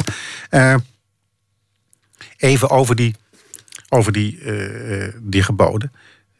Je hebt Frans gestudeerd. Er is een heel fraai aforisme van de Franse dichter René Char. En dat gaat over die tien geboden. En dat luidt, Erfenis zonder testament. precies. De tien geboden zijn een erfenis zonder testament. Ja. Leg eens uit. Ehm, nou ja, wat, wat de titel zegt. ehm, er is een erfenis. Eh, iemand heeft iets nagelaten. Ehm, maar er is geen papier waarop staat aan wie dat toekomt of wat ermee gedaan moet worden. Dus eh, er ligt iets, wellicht iets van waarde. Maar, sorry, wij missen Wil jij niet gewoon een, een keelsnoepje van me, waar je op sabbelt? Ik zal proberen om het eh, onderwijl Het hoeft voor ik mij, praat het hoeft voor mij niet hoor. onder de tong. Het maakt me namelijk helemaal niet uit. Hmm. Anders moet je weer uit. Maar dat- Ja, ga door. Maar eh, dat is dus duidelijk. Er is een erfenis. Maar het is niet duidelijk voor wie die erfenis bedoeld is. En wat ermee gedaan moet worden. Er zijn geen instructies bij. En dat is het eigenlijk. Een soort gevonden voorwerp. Ja. En eh, wat moeten we ermee? Een erfenis zonder testament. Ja. Ja. Kijk, en nog even over die tien geboden en, en, en in welke context ze ooit zijn, eh, zijn bedacht. Dat is op zich ook wel interessant. Het is een, dat, was een, eh, dat was een samenleving, hoe lang geleden? Ja. Vier eeuwen voor zes, Nee, nee, zes Nee, eeuwen voor oh. Christus. Tijdens de Babylonische ballingschap. Dat is de periode waarop het gedateerd kan worden. en de reden dat die tien geboden toen ontstaan zijn... dat was dat eh, de, de stammen van Israël toen in zodanige verdrukking zaten en ook onderling eh, onsamenhangend waren, dat de grote behoefte was aan een soort bindmiddel dat die stammen tot één staat zou samensmeden. En uit die behoefte zijn de tien geboden ontstaan. En de tien geboden, dat is dus de eerste verrassende vaststelling. Die hebben dus niet een morele strekking, dus dat zijn geen richtlijnen zozeer voor gedrag, als wel dat het een soort staatsinrichting is. Het is eh, het dient de vorming van een staat Israël. Ja, dus je moet ook, kijk bijvoorbeeld eh, over, welke was het nou ook alweer? Een soort grondwet eigenlijk. Ja. Eh, Ik pak er even eentje bij die jij hebt gedaan, want jullie hebben allemaal eh, verschillende. eh, eh, eer uw vader en uw moeder is wat dat we. Nou, ga je zo ook niet. Nou, weet je, laten we deze, want dat is wel een mooie. Jij hebt zelf een stuk over de, de ware aard van God geschreven, Ja. hè? Spinoza. Ja. Dat zei je in het vorige eeuw al. Of eh, niet de vorige eeuw, moet je- vorige uur. Het moet niet gekker worden, zeg. Vorige uur eh, had je het daar al over. Eh, waarom over Spinoza? Wat probeer je hierin te beweren? Nou, het is wel ehm, toepasselijk dat je naar dat eerste gebod grijpt, omdat dat het beste aansluit op ons gesprek van het vorige uur, waarin ook ik zeg maar, de dood van God, het verdwijnen van Ja. God en de consequenties daarvan eh, centraal stonden. In dat eerste gebod heb ik. ehm, dat heb ik vanuit het perspectief van Spinoza bekeken. Eh, omdat dat een revolutionaire andere blik geeft op de identiteit van God. En eh, dat is een alternatief dat mij heel erg aanstaat, omdat het in zekere zin een leemte vult eh, die eh, ontstaan is nadat ik van mijn geloof ben gevallen en dat God verdwenen is. En jij vroeg mij in het vorige uur, wat mis je daar nu aan? en ik kan nou niet zeggen dat ik iets mis door het eh, eh, wegvallen van God. Eerder is het zo dat het mij heeft aangespoord tot een soort van emancipatie, van op eigen benen staan. Maar zo'n filosoof als Spinoza, die reikt mij een besef aan, een godsbesef aan, dat voor mij helemaal acceptabel is. Ehm, en dat hij toch God noemt. Zonder dat dat samenvalt met de God van het Oude Testament. En dan wordt het voor mij heel erg interessant. Dus dat was voor mij misschien wel de belangrijkste alternatieve perspectief dat ik gebruikt heb bij het belichten van die tien geboden. Mijn oorspronkelijke voorstel aan Hans was ook, toen ik eenmaal Spinoza had herontdekt, dat was een jaar of eh, vier geleden,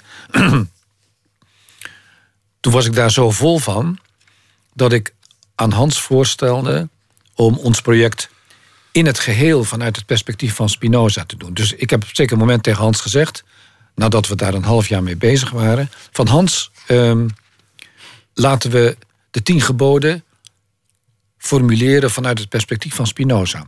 Dus wat zou Spinoza hebben gezegd als hij de tien geboden had mogen formuleren? Leek mij geweldig spannend. Leek me geweldig spannend. En ik was daar vol van. En Hans zei van, nou, daar heb ik helemaal geen zin in. Want die Spinoza, ja, ik heb hem wel gehad bij mijn studie. Ah, bijbeluitleg, maar spreekt me totaal niet aan. Dus daar zat ik. En ik was toen al zo ver op dat spoor dat ik dacht van, ja, maar daar kan ik niet meer van af. En dat ging zo ver dat ik tegen Hans toen heb gezegd van... eh, weet je wat Hans, Ehm, ik ben nu zo ver... Want ik, ik was helemaal het spoor Spinoza ingedraafd. Ik kon daar niet meer van los. Ik zei, Hans, ik weet goed gemaakt. Ik kan daar niet meer van los. Ik, ik maak er daar een af- afzonderlijk project van. Ik schrijf, ik schrijf een boek over Spinoza. doe jij die tien geboden. Doe jij die tien geboden, Ja. eh, dan, dan hebben we allebei ons ding. En Hans, kijk, daar is Hans dan weer een voortreffelijke man voor. Avondenlang hebben wij gepraat, weet je, heel gezellig. Na een etentje en dan de hele avond doorbomen. En Hans, eh, vriendelijk en eh, conciliant zou ik bijna zeggen. Eh, ik weet geen goede term. maar die zei van, ach joh, dat kun je combineren. Jij doet gewoon een aantal geboden vanuit Spinoza. Ja. En ik doe er vanuit van anderen, René Girard, waar hij veel eh, mee heeft. En dan, ehm, dat bijt elkaar niet. En eh, dan doe je nog een paar andere met andere perspectieven. Dus dat is helemaal geen probleem. En zo hebben we het uiteindelijk gedaan. Je hebt overigens, dat is misschien wel aardig. Laten we, laten we er eens een gebod bij pakken en dat jij dan geïnterpreteerd hebt. En dus waar jij een filosofische overweging bij hebt gemaakt.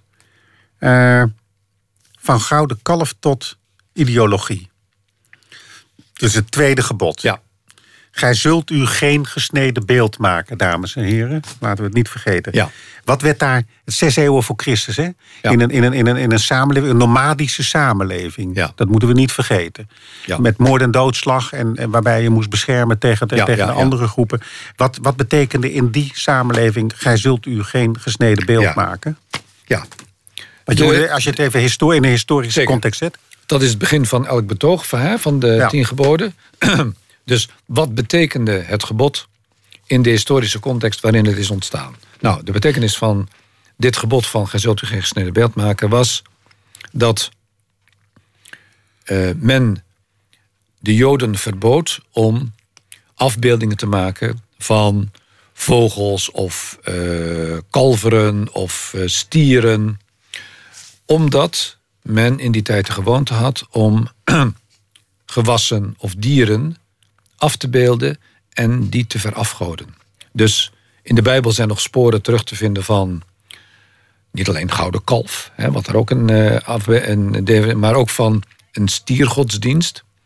En die stiergodsdienst, dat was zelfs de godsdienst van de, het Noordrijk. Ten opzichte van, daar waren tempels voor stieren en al die dingen meer. Om eh, het uiteenvallen van de stammen in verschillende godsdienstjes met allemaal dieren eh, die verafgood werden om dat tegen te gaan, is in het tweede gebod gezegd van geen afbeeldingen van niet van vogels, niet van vissen, eh, niet van eh, dieren op vier of twee poten, helemaal niks, om te verhinderen dat die zouden worden verafgood. En dat is in die context helemaal begrijpelijk. Ehm, maar het leidt tot aanzienlijke problemen in de moderne tijd. Want bijvoorbeeld in de wat modernere katholieke kerk. Of neem maar de middeleeuwen. Hè, dus eh, hoe moet je de mensen duidelijk maken wat er in de Bijbel, wat de Bijbelse boodschap is. Je kunt dat bijna niet anders doen door plaatjes te maken.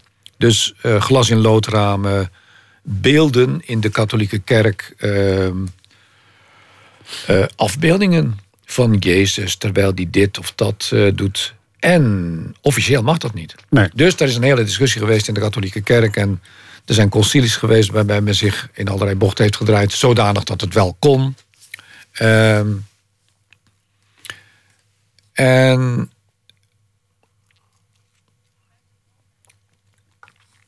de manier waarop ik het heb geïnterpreteerd in de moderne betekenis van een ehm, beeld of van een gebod waar een gebod op zou rusten, is dat ik het heb gekoppeld aan het begrip ideologie. Dus niet heel erg vreemd, want Althusser, dat is eh, iemand die daar veel over heeft nagedacht. eh, Louis Althusser. Die, moeten we even, die moeten we even, dat is wel mooi, want jullie introduceren moderne denkers. Louis Ja. Althusser, dat was een, eh, een streng... Neo-Marxist. is Een streng- hele streng- radicale en zeer inspirerende voor een hele linkse radicale groep filosofen, zeer inspirerende man. Op zeker moment in 1967 eh, begon hij met een groep filosofen, dat noemde hij de, de Spinoza-groep. En daar zijn een heleboel belangrijke filosofen. eh, Lacan is daar uitge- zat daarin. En eh, Etienne Balibar en eh, Pierre Macheret. En nog wat andere hele grote filosofen. Die zijn daaruit voortgekomen. een van de onderwerpen waar zij met name over nadachten was het begrip ideologie. Even over Althusser. Ik, Ja. ik ken hem overigens vooral van een boek dat hij heeft geschreven. Hij heeft zijn vrouw vermoord. Ja. hè? En eh, daarvoor is hij ook veroordeeld, Ja. volgens mij. Ja, Even en een- weer uit de kliniek en in de kliniek. dingen. en ja. Dat is een beklemmend. Je kent het ongetwijfeld, het boek. Het is een beklemmend boek om te lezen. Hij, hij, hij zegt, hij beschrijft daarin. Ja, deze zijsprong mag even, want ik hou de hoofdlijn in de gaten. Hij beschrijft daarin bijvoorbeeld hoe die, hoe, die, hoe die zijn vrouw, die ligt op bed volgens mij. Dat begint met een streling en dat wordt een wurging. ja, Waarbij op een gegeven moment, waarbij hij ook als het ware in het midden laat of die er nou wat daar gebeurd is. ja. Heel ontwrichtende gebeurtenis. Ik weet nog dat dat gebeurde. En dat was in de tijd dat ik zelf eh, nog studeerde en vol in discussiegroepen zat... waarin wij ons bogen over dat soort moeilijke teksten als eh, van Althusser, Pour Marx. Dat werd toen gelezen in eh, kleine groepjes. Vooral onder Frans studerenden in Groningen. Waar ook toen heel linkse actiegroepen waren en al die dingen meer. En dat, ja, dat was iets waar wij niet mee uit de weg konden. Dat, eh, dat zo'n man was vastgezet vanwege een moord op een vrouw. Ja, dat, dat was iets van een ontluistering van een soort van ja, links idealisme. Links, een heel moeilijk, heel moeilijk moment was dat. Ehm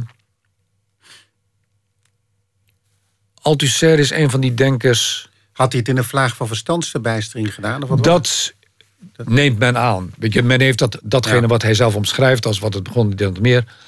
Dat het uit de hand liep, eh, dat is.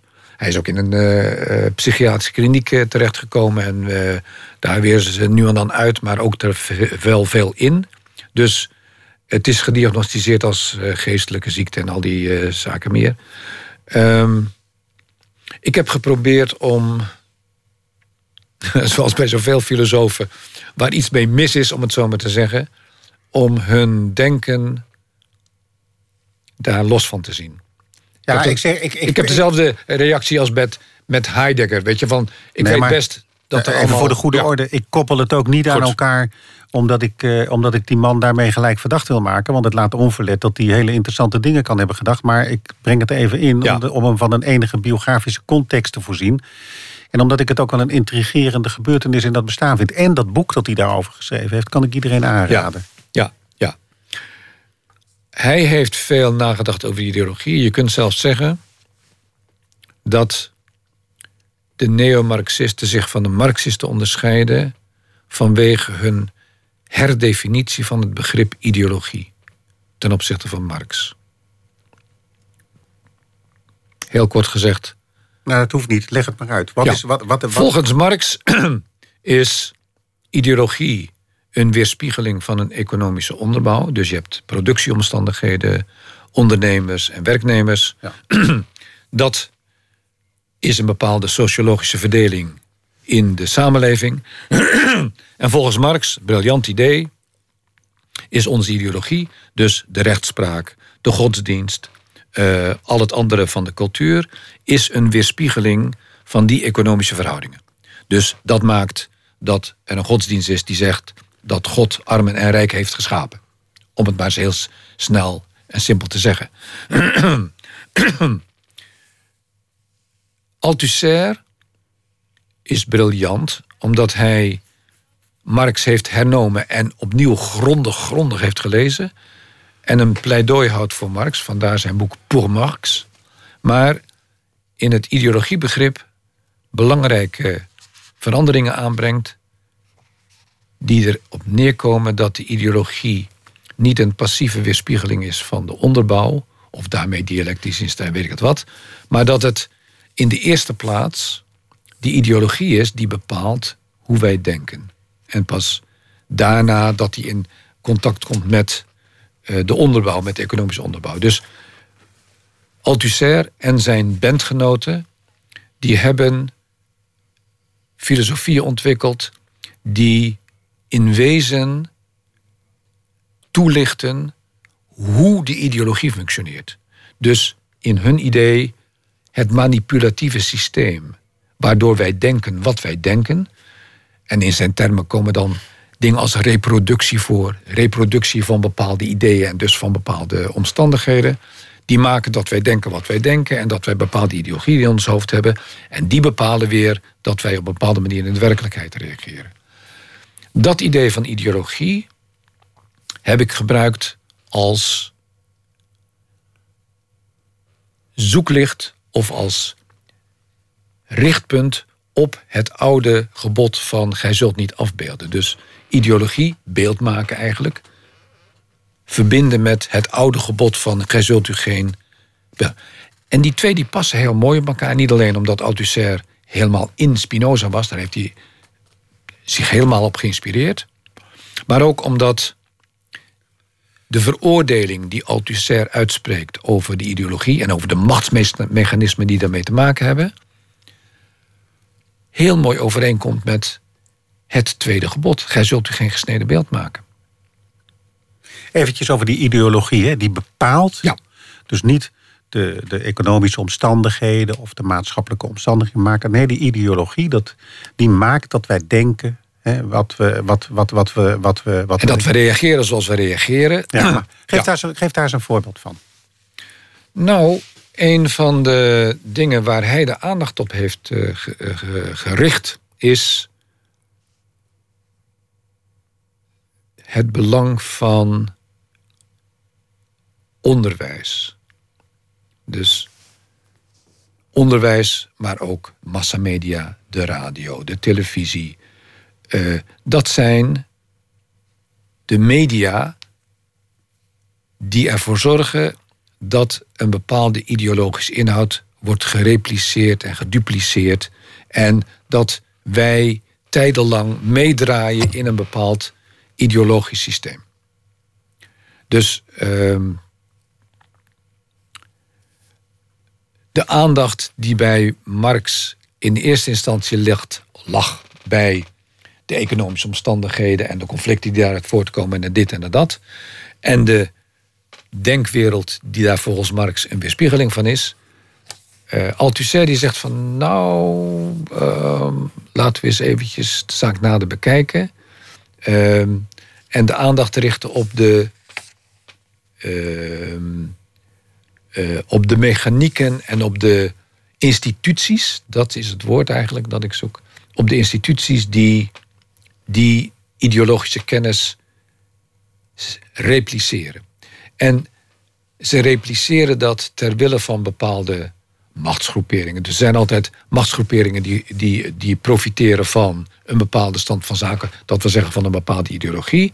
En die zitten min of meer aan de knoppen van dat systeem. Dus van de media en dit en dat meer. En, maar het belangrijkste ten opzichte van de, het traditionele marxisme is het relatieve gewicht dat wordt verlegd van de onderbouw naar de bovenbouw, om het heel simpel te zeggen. We gaan er nog een gebod bij pakken, Maarten. Eentje die, die jij geïnterpreteerd hebt. Het zevende gebod. Ik kijk weer eventjes de duisternis in en hoor iedereen dan roepen: Gij zult niet echt breken. En dan uh, is jouw titel erboven: Liefde en huwelijk sluiten elkaar uit. Ja. Tristan en Isolde. Ja. Jij hebt, eh, gij zult niet echt breken gedaan. Waarom? Want jullie hebben dat Hoe ging die verdeling eigenlijk? Dat ging heel, uh, heel vriendelijk. Um, um, uh, Hans die zei van, uh, ik wil het tiende gebod. Want die begeerte, dat kon hij verbinden met René Girard. En gij Hans is niet, een beetje in, in René Girard, ja, dus dat wilde hij doen. Gij zult niet begeren. Ja, gij zult niet begeren. En ik zei van, nou ja, ik wil het eerste gebod... want ik was toen zover in Spinoza... dat ik al wel door had dat ik het eerste gebod uh, over de... Uh, gij zult maar één God aanbidden... of als één God uh, als waar erkennen... dat ik daar de God van Spinoza tegenover wilde zetten. En daarna hebben we alle geboden langs gegaan... en eigenlijk gezegd van, nou ja... ik wil dat wel doen en ik wil dat wel doen. En er bleven toen een aantal geboden over waar we geen van beiden wisten van wat we er eigenlijk mee moesten. Ja, het gebod op de zondagsrust of zo. Ja. Uh, en echt breken eigenlijk ook. Ja, wat, wat moet je daar nou toch van zeggen? Dus dat bleef eigenlijk liggen. Daar wilden we eigenlijk geen van beiden aan. Of we vonden. En toen heb ik. Maar wacht even, want ik ga eerst even. Je bent bijbels opgevoed. Ja. We gaan eerst even de Bijbelkennis testen. Dat kun je bij uh, jongens van Calvinistische huizen heel goed doen. Katholieken die komen dan minder goed tevoorschijn. Dat is, dat is nou eenmaal zo. Maar komt dit uit? De liefde is langmoedig. De liefde is goede tieren. Zij is niet afgunstig. Ja. De liefde praalt niet. Zij is niet opgeblazen. Zij kwetst niemands gevoel. Zij zoekt zichzelf niet. Zij wordt niet verbitterd. Zij rekent het kwade niet toe. En dat komt uit? Nou, Wim, ik, moet je het, ik heb het zelf opgeschreven, Ja. maar ik moet je het antwoord schuldig Corinthiërs. Ja, Corinthiërs, ja.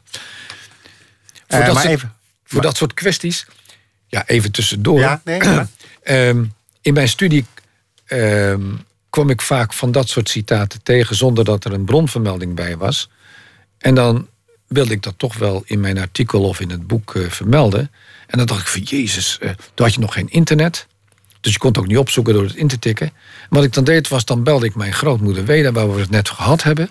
En dan zei ik, oma, eh, dat citaat. En dan zei mijn oma, Corinthiërs zoveel, vers zoveel. Ja, dat zijn mooie dingen. Kijk, dat is nog eens een ja, encyclopedie. dat, precies. Maar wat betekende, gij zult niet echt breken, eh, zeven eeuwen voor Christus? Ja. Dat had net zo'n specifieke en zware betekenis als dat gebod eh, op het ver- eh, verbod op het maken van afbeeldingen.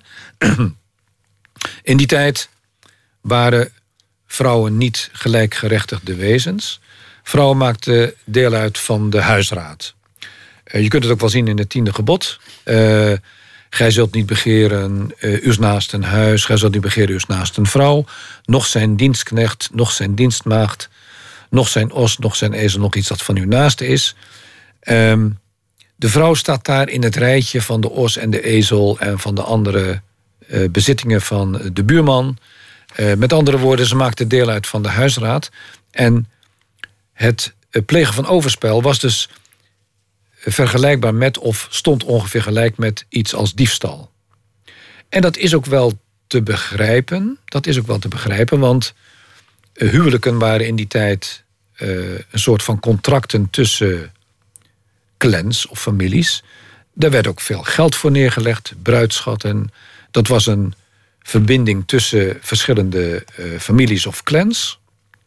En dus was overspel niet zomaar een eh, avontuurtje dat je met een eh, getrouwde vrouw had. Nee, dat was een inbreuk op zo'n heel verdrag tussen families. Het, het was inbreuk op bezit. Het was inbreuk op bezit. En dat kun je dus eh, niet doen. Dat wordt met de grootste en de zwaarste verboden omkleed en verboden. Zijnde steniging en dood. En, eh, dus daar, daar, de, daar rusten de zwaarste verboden op. En eh, terecht zou ik zeggen. Want eh, je tastte de grondslag aan van iemand anders eh, huisraad. Zijn hele, zijn hele huis en zijn hele bezit.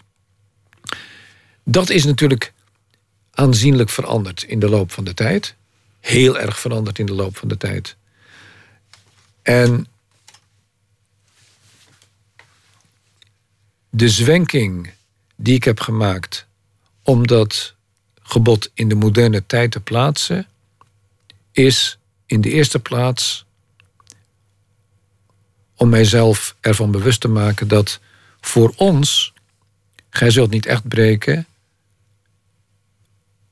geassocieerd is met inbreuk op het huwelijk. Dat wil zeggen, inbreuk op een institutie die voor ons gebaseerd is op liefde tussen twee mensen. En dat echtbreuk een inbreuk daarop is. Dus waar je een in- inbreuk op maakt bij echtbreken is dat je inbreuk maakt op de liefdescontract dat je hebt gesloten tussen jouzelf en een vrouw of een man met wie je beloofd hebt je leven te zullen delen. Dat is de huidige grondslag daarvan. Dat is dus helemaal anders dan die bezitsgrondslag uit de oorsprong. En dat gaf mij een prachtig eh, perspectief, omdat je van die liefde kunt betogen dat dat een heel tijdsgebonden besef is. Dus van liefde denk je in oorsprong dat dat iets is wat zo natuurlijk is dat iedereen dat kent en in alle perioden kent. En dat je daar altijd, al zou je tien eeuwen teruggaan in de, in de tijd worden teruggezet en bij de god weet wat voor exotisch volk terecht kunnen komen, dan zou je, als je de, met die mensen zou kunnen communiceren, dan zou je tot simpele dingen terug kunnen gaan. En de liefde tussen man en vrouw, dat is iets wat we allemaal begrijpen. Nee dus. Nee dus. Het begrip liefde, zoals wij dat accepteren en ten volle ervaren als iets wat natuurlijk uit ons voortkomt, dat is een cultureel maaksel. Even tussendoor, hoe dacht jij over die liefde ten tijde van die relationele crisis die weer ten grondslag lag aan je depressie waar je in het eerste uur over sprak? Uh, ik heb in mijn relaties en in al mijn contacten nooit het woord liefde gebruikt. Dat heeft mij veel moeilijkheden opgeleverd in de tijd dat ik getrouwd was en uh, andere relaties kreeg. En dan komt vroeg of laat het moment van je houdt toch wel van mij. En wat zei toch, je dan? Toch, toch, je houdt toch wel van mij. En wat zei je dan? En dan, ja, dan hadden ze mij klem. Want dan, uh, dat begon al met een aarzeling dan.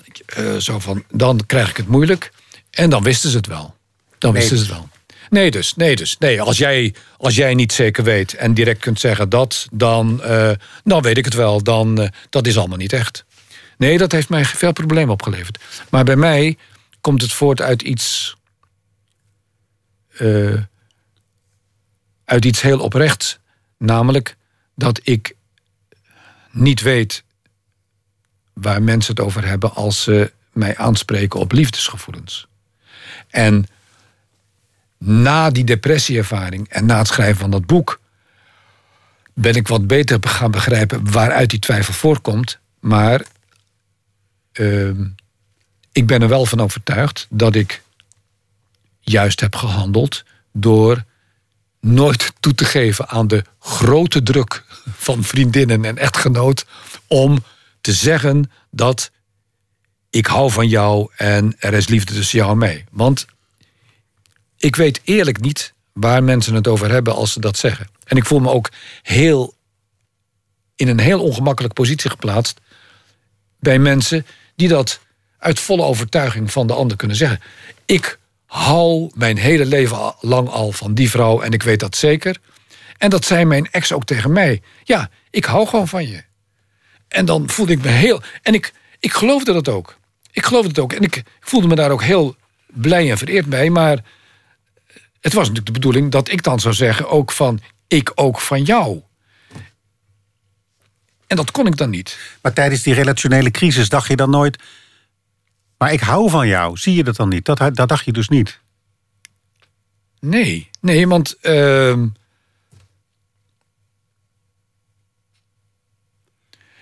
Nee, want. Nee, dat, dat, dat, dat probleem ligt, ligt echt een beetje complexer nog, uh, Wim. Ja, nou, dat mag. um, een van de dingen, met een korte uh, terugschakeling naar ons eerste uur en het depressieboek, dat is dat ik na lang nadenken van wat depressie eigenlijk is, gevonden heb dat depressie voor buitenstaanders het beste beschrijven is als het ontbreken van liefde. En wat stel ik mij bij liefde voor? Bij liefde stel ik me iets voor als een bron van warmte die van iemand uitgaat, een soort zonlicht in de stralen waarvan je iemand anders vangt. En die verwarm je met die stralen. En dan begint ook de ander te gloeien en neemt jou op in zijn of haar warmte. En zo werkt, denk ik, liefde. Depressie is een hapering in, dat, in die warmtecentrale, in die lichtcentrale. Dus depress, depressiepatiënten zijn mensen, het zijn een soort lichtcentrales waar er iets mis is aan het mechaniek. Zeg maar, de, de stroomvoorziening langs de kanalen, die hapert. Dus die depressiemensen, die hebben allemaal moeite om het lichtnet onder spanning te houden. En dat is de beste manier waarop ik kan uitleggen wat het is om met een depressie iemand getrouwd te zijn of een relatie te hebben. Het is iemand waar niet veel uitkomt, zegt, zeg ik maar, Wim. Ja. En dat is echt zo. En dat is de diepe reden, heb ik achteraf begrepen. Goddank heb ik dat begrepen. Dat het een reden heeft en dat ik het nu kan uitleggen en in een boek kan beschrijven. Maar dat is de diepere reden waarom ik zoveel moeite heb met dat woord liefde. Ja. En waarom je als, als een vriendin aan je vraagt of een, of, of, een vrouw van maar hou je dan van me? Dan Dat brengt mij in de grootste moeilijkheden. Dat brengt mij in de grootste moeilijkheden. Eh, want, ik, want dan vraagt zij mij om, zeg maar, op soortgelijke wijze te reageren op haar als zij op mij reageert. En ik ben dan wel heel blij als iemand eh, warm en blij wordt van mij. En dat ik, eh, iemand vangt mij in haar stralen, zal ik maar zeggen. En vraagt mij ook van, ben jij ook zo'n bron voor mij? En dan begin ik het een beetje moeilijk te krijgen. Want dan denk ik, dan kan ik nu zeggen van ja, maar mijn warmtecentrale is, eh, die is een beetje kapot. Daar is iets mis mee. En dat soort dingen kun je allemaal niet uit gaan leggen. Dus eh, dan begin je te stamelen en dan uiteindelijk val je stil. Ja. Met alle moeilijkheden van dien. Gij zult niet echt breken. Dat Ja. was dus zo, omdat hè, die, die- Ja. dat, dat, dat, dat, heb je, dat was zeven eeuwen eh, voor Christus iets anders dan Ja. nadien. En jij begon, en toen onderbrak ik je over jezelf, keerden we terug naar wat we eerder hadden eh, eh, besproken. En toen wilde jij zeggen, li- liefde tussen man en vrouw, ik vat het maar even samen, want daar wilde je aan beginnen, dat is een uitvinding. Ja. En wat heb je gedaan? Je bent, je hebt het gekoppeld aan eh, Tristan en Isolde. Isolde, ja. Dat is de duidelijkste illustratie, eh, zeg maar 12e eeuw, 12e, 13e eeuw. Dan ontstaat er in Zuid-Frankrijk eh, een hoofdse cultuur. en binnen die hoofdse cultuur ehm, ontstaat ehm, het idee van een verering van de vrouw door de man en van een hele liefdescultuur. Ehm, en die heeft dan ook nog te maken met ehm, het geloof uit die tijd en met bepaalde gebruiken die er vanuit het geloof in, dat, eh, in die hoofdse liefde worden overgeheveld. Maar de bottom line is van dat op dat moment het idee ontstaat dat er iets is van een liefde die mensen onweerstaanbaar naar elkaar drijft. Nou, Tristan en Isolde is daar een prototypisch voorbeeld van. Want, eh, nou ja, je weet misschien, eh, ze drinken een liefdesdrank die niet voor hen bedoeld is. En dan vallen twee mensen op elkaar die absoluut niet op elkaar mogen vallen. Want Tristan is uitgestuurd als een soort boodschapper en als gezant van de koning om een bruid voor hem op te halen. En het is ook nog een eh, neef van de koning. Ehm, en dan komt hij terug met die Isolde, met de toekomstige koningin. En dan per vergissing eh, nemen ze de liefdesdrank tot zich. En dan zijn ze Tristan en Isolde tot elkaar veroordeeld. Maar dat kan helemaal niet, want hij gaat dan overspel plegen met de vrouw die voor de koning is bedoeld. Dus, en dat gaat ook nog door nadat Isolde met de koning is getrouwd. Dus dat was eigenlijk een hele rare bedoeling. Het mooie van dat eh, Tristan en Isolde verhaal is dat het hele verhaal staat aan de kant van Tristan en Isolde. Dat is eigenlijk heel raar, want wat zij doen is een ongelooflijke, onbeschofte en taboe doorbrekende eh, eh, echtbreuk. Want Tristan die eh, pleegt niet alleen overspel met de koningin, maar het is ook nog overspel met en bedrog van zijn koning ten opzichte van wie hij een trouwe vazal is. Dus het kan van geen kant, zou je zeggen. En toch is het verhaal zo opgebouwd dat je helemaal met je sympathie staat aan de kant van Tristan en Isolde. Waarom? Omdat zij vanwege die liefdesdrank om liefdesredenen tot elkaar veroordeeld zijn. Vanaf dat moment, dus dat bezinkt een bepaald gegeven van noodlottig tot elkaar veroordeeld zijn, mensen die voor elkaar bestemd zijn, eh, ehm, liefde met een grote L. En vanaf dat moment, 12, 13e eeuw, is dat de standaard waaraan eigenlijk elk huwelijk wordt gemeten. Want we hoeven misschien niet zo op elkaar te vallen en aan elkaar verslingerd te zijn als Tristan en Isolde dat waren. Maar als je elkaar het jawoord geeft in de kerk of uh, uh, bij de ambtenaar van de burgerlijke stand, dan verwacht je toch wel bij het woord van trouw voor het leven en dat je in liefde met elkaar verenigd bent, dat je iets van dat ideaal toch wel uh, denkt te kunnen verwezenlijken. Um, maar ja, de werkelijkheid is een beetje anders. De werkelijkheid is een beetje anders. En de werkelijkheid dat die anders zit, dat wordt ook al, ironisch genoeg, in die tijd zelf en in Tristan en Isolde zelf ingebakken. Want wat daar op de korrel wordt genomen in die Tristan en Isolde is nou net het huwelijk tussen de koning en koningin Isolde. Dus liefde vindt niet plaats in het huwelijk dat er gesloten wordt tussen de koning en de koningin. Nee, de eigenlijke liefde vindt plaats in een overspelige relatie die dat huwelijk helemaal aan, uh, aan gort speelt. Dat is curieus. Dat is curieus. En die mening wordt ook nog eens gestaafd door de standaardmeningen in die hoofdse kringen. Dus er is daar een. Ze hadden in die tijd liefdesrechtshoven. Dus dat waren dames van adel. Die kwamen dan bij elkaar en die bespraken daar liefdesproblemen. En daar deden ze uitspraken over. Een soort magie raad. Ja, als, als, als in een hof. En er zijn die, die hofuitspraken zijn bewaard gebleven. En er is dus een, een, een uitspraak van zo'n liefdeshof, uit twaalf zoveel, waarin eh, bepaald wordt dat uh, liefde en huwelijk niet samengaan. Dus dat huwelijk wordt niet gesloten om liefdesredenen. De eigenlijke, er kan alleen liefde bestaan in een relatie buiten het huwelijk. Nou, dus daar zit je al met.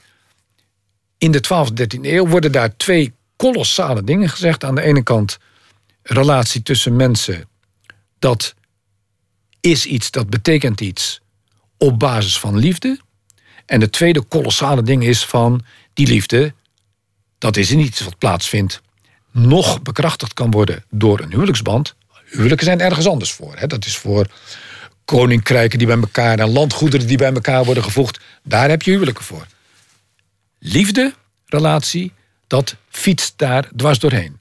En dat is ook pas een echte liefde als het daar dwars doorheen fietst. Dus de beste liefdesrelatie is één met een getrouwde vrouw, uh, wat je ook nog ongezien en ongeweten doet. Overspelige relatie.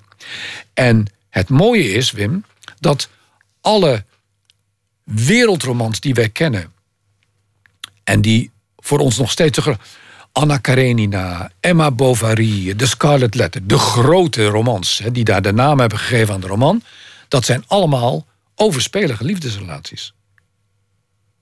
Dus, Wim, het is het kenmerk van het ware, een overspelige relatie. Je zit nou toch bijna te preken. Ja, nee, maar, ja, het is, maar dan toch wel een antipreek. Ja. ja. Maar liefde is een uitvinding. Ja. Dat is de essentie. Ja. ja. En heb je dat ontdekt?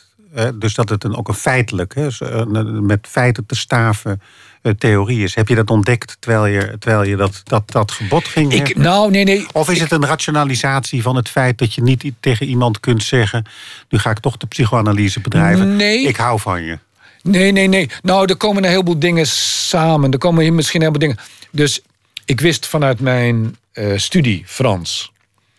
Uh, je hebt ook middeleeuws Frans gedaan, dus je hebt de grote lijnen gedaan. Ik wist van die hoofdse liefde en hoe dat toch weer in, me, in elkaar zat. Kataren geloof zit er ook nog een beetje achter. Het is heel interessant allemaal. Dus op het moment dat dat gebod mij toevalt... en eigenlijk was het zo van... nou ja, ik heb er geen zin in. Jij hebt er ook geen zin in. We verdelen nou de laatste geboden. Hans die deed dat uh, zondagsgebod. Ik deed dat huwelijksgebod. En we dachten allebei, we, we verzinnen wel wat. We verzinnen wel wat. En eigenlijk zijn het die geboden geweest... die de mooiste resultaten hebben opgeleverd. Want dan ga je dan uh, zitten puzzelen en doen en kijken. En dan al puzzelend en kijkend denk je van... hé, hey, maar dat zit erachter en dat weet ik ook nog van mijn studie. En dan ga je dan eventjes in doorzoeken. Weet je, denk, oh ja, dat is interessant. Is huwelijk en een oorspronkelijk was bezitsrelatie en daarna werd een huwelijksrelatie of een liefdesrelatie. Maar wat is die liefde eigenlijk? En overal waar daar een beetje twijfel aan wordt gezaaid, ja, daar, daar verdiep ik mij extra graag in, omdat ik daar ook al problemen mee heb. Dus dat, het is een combinatie van alles en nog wat. Maar als je op die manier achter een aantal, naar mijn mening, belangrijke dingen kunt komen, dan is elke aanleiding goed. Ja.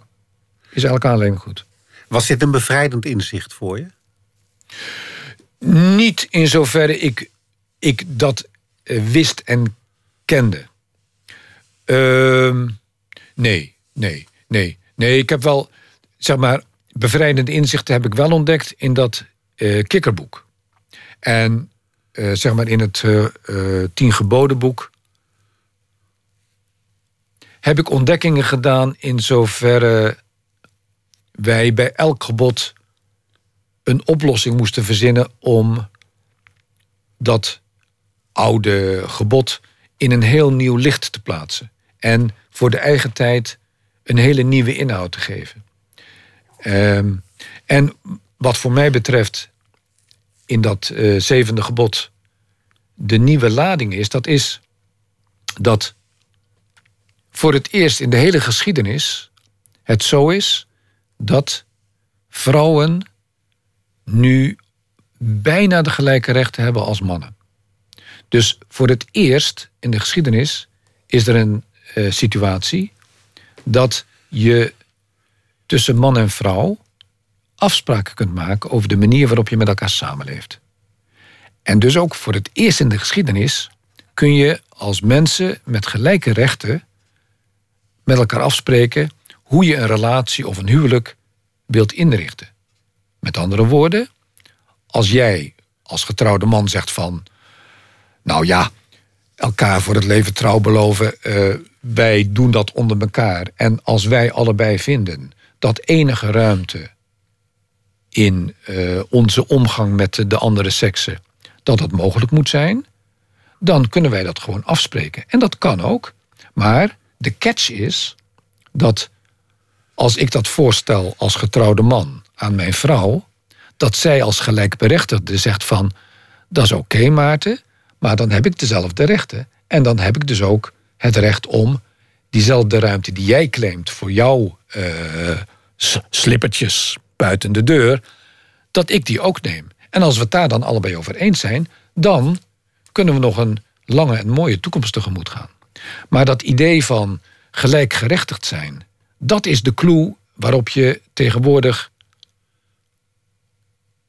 op een andere en betere en geëmancipeerde manier toch afspraken kunt maken waarom een huwelijk duurzaam zou kunnen zijn.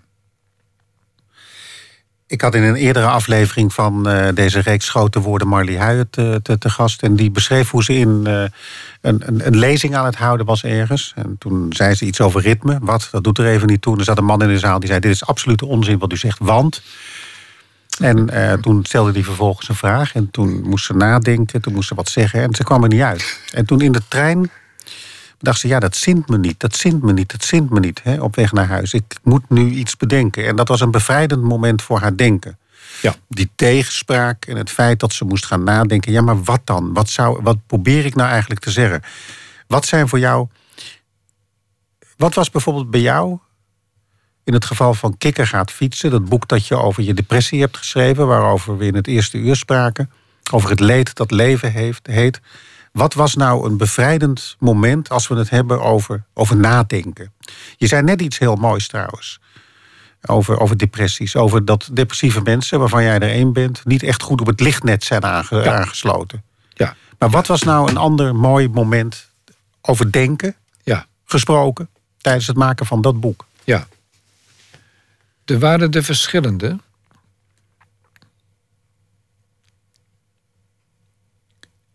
Een van de belangrijke is dat op het moment dat ik accepteerde dat uh, de kwaal waaraan ik leid, dat dat depressie heet.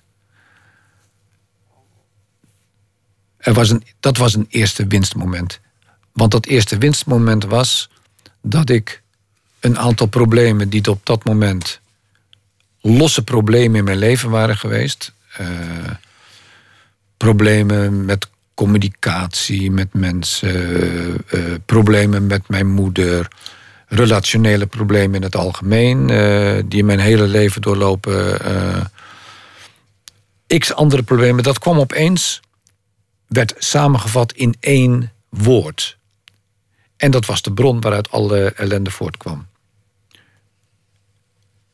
Om al die samenstellende bestanddelen van dat probleem te beschrijven, ben ik aan het boek begonnen.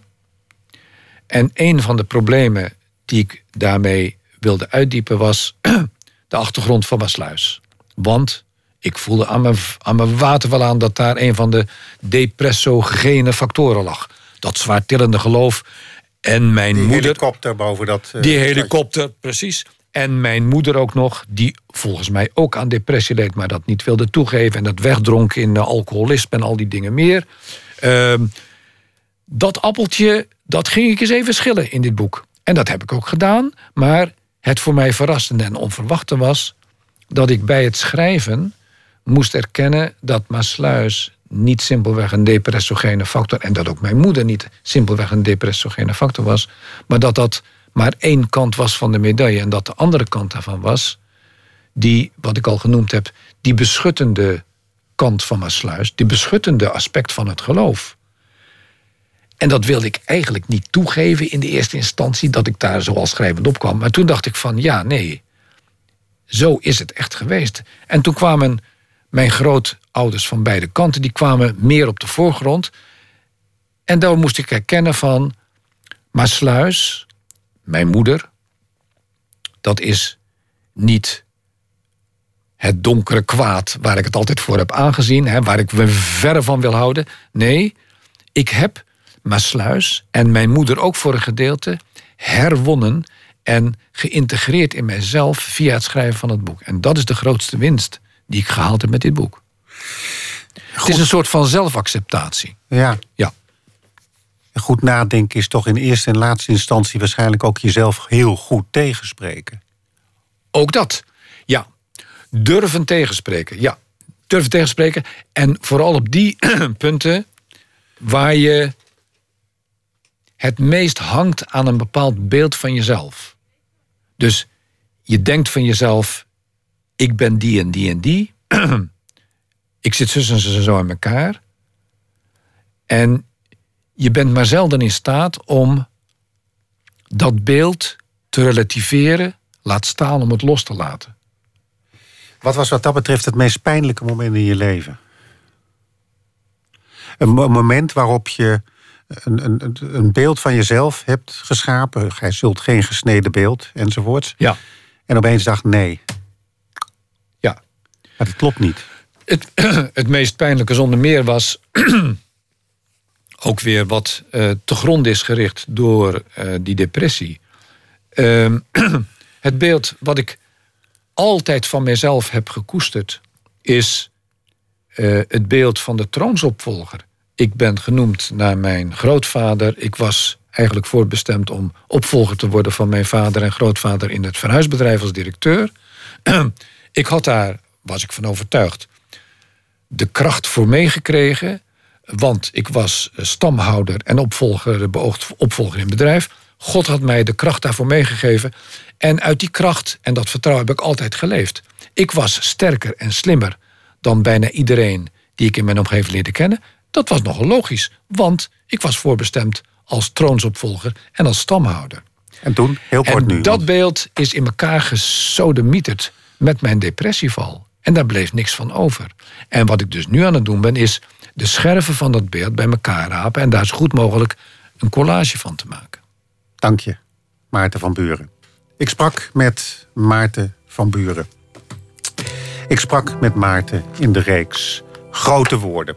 Van maandag tot en met vrijdag mag ik in de zendtijd van Nooit meer slapen die reeks maken... waarin ik gesprekken voer met filosofen en verwante zielen, zei ik al. Morgenavond, Oudejaarsnacht, zit ik hier ook. En dan zit ik hier met A.W. Prins. Hij doseert aan de Erasmus Universiteit, filosofie. Hij uh, heeft ooit een prachtige prijs gewonnen. Hij was de beste filosofie, de beste docent, universitaire docent dat jaar van Nederland. Schreef een boek over verveling. En ik ga samen met hem een filosofie van de alledaagsheid bedenken. Dat lijkt me namelijk een heel mooi begin van 2016.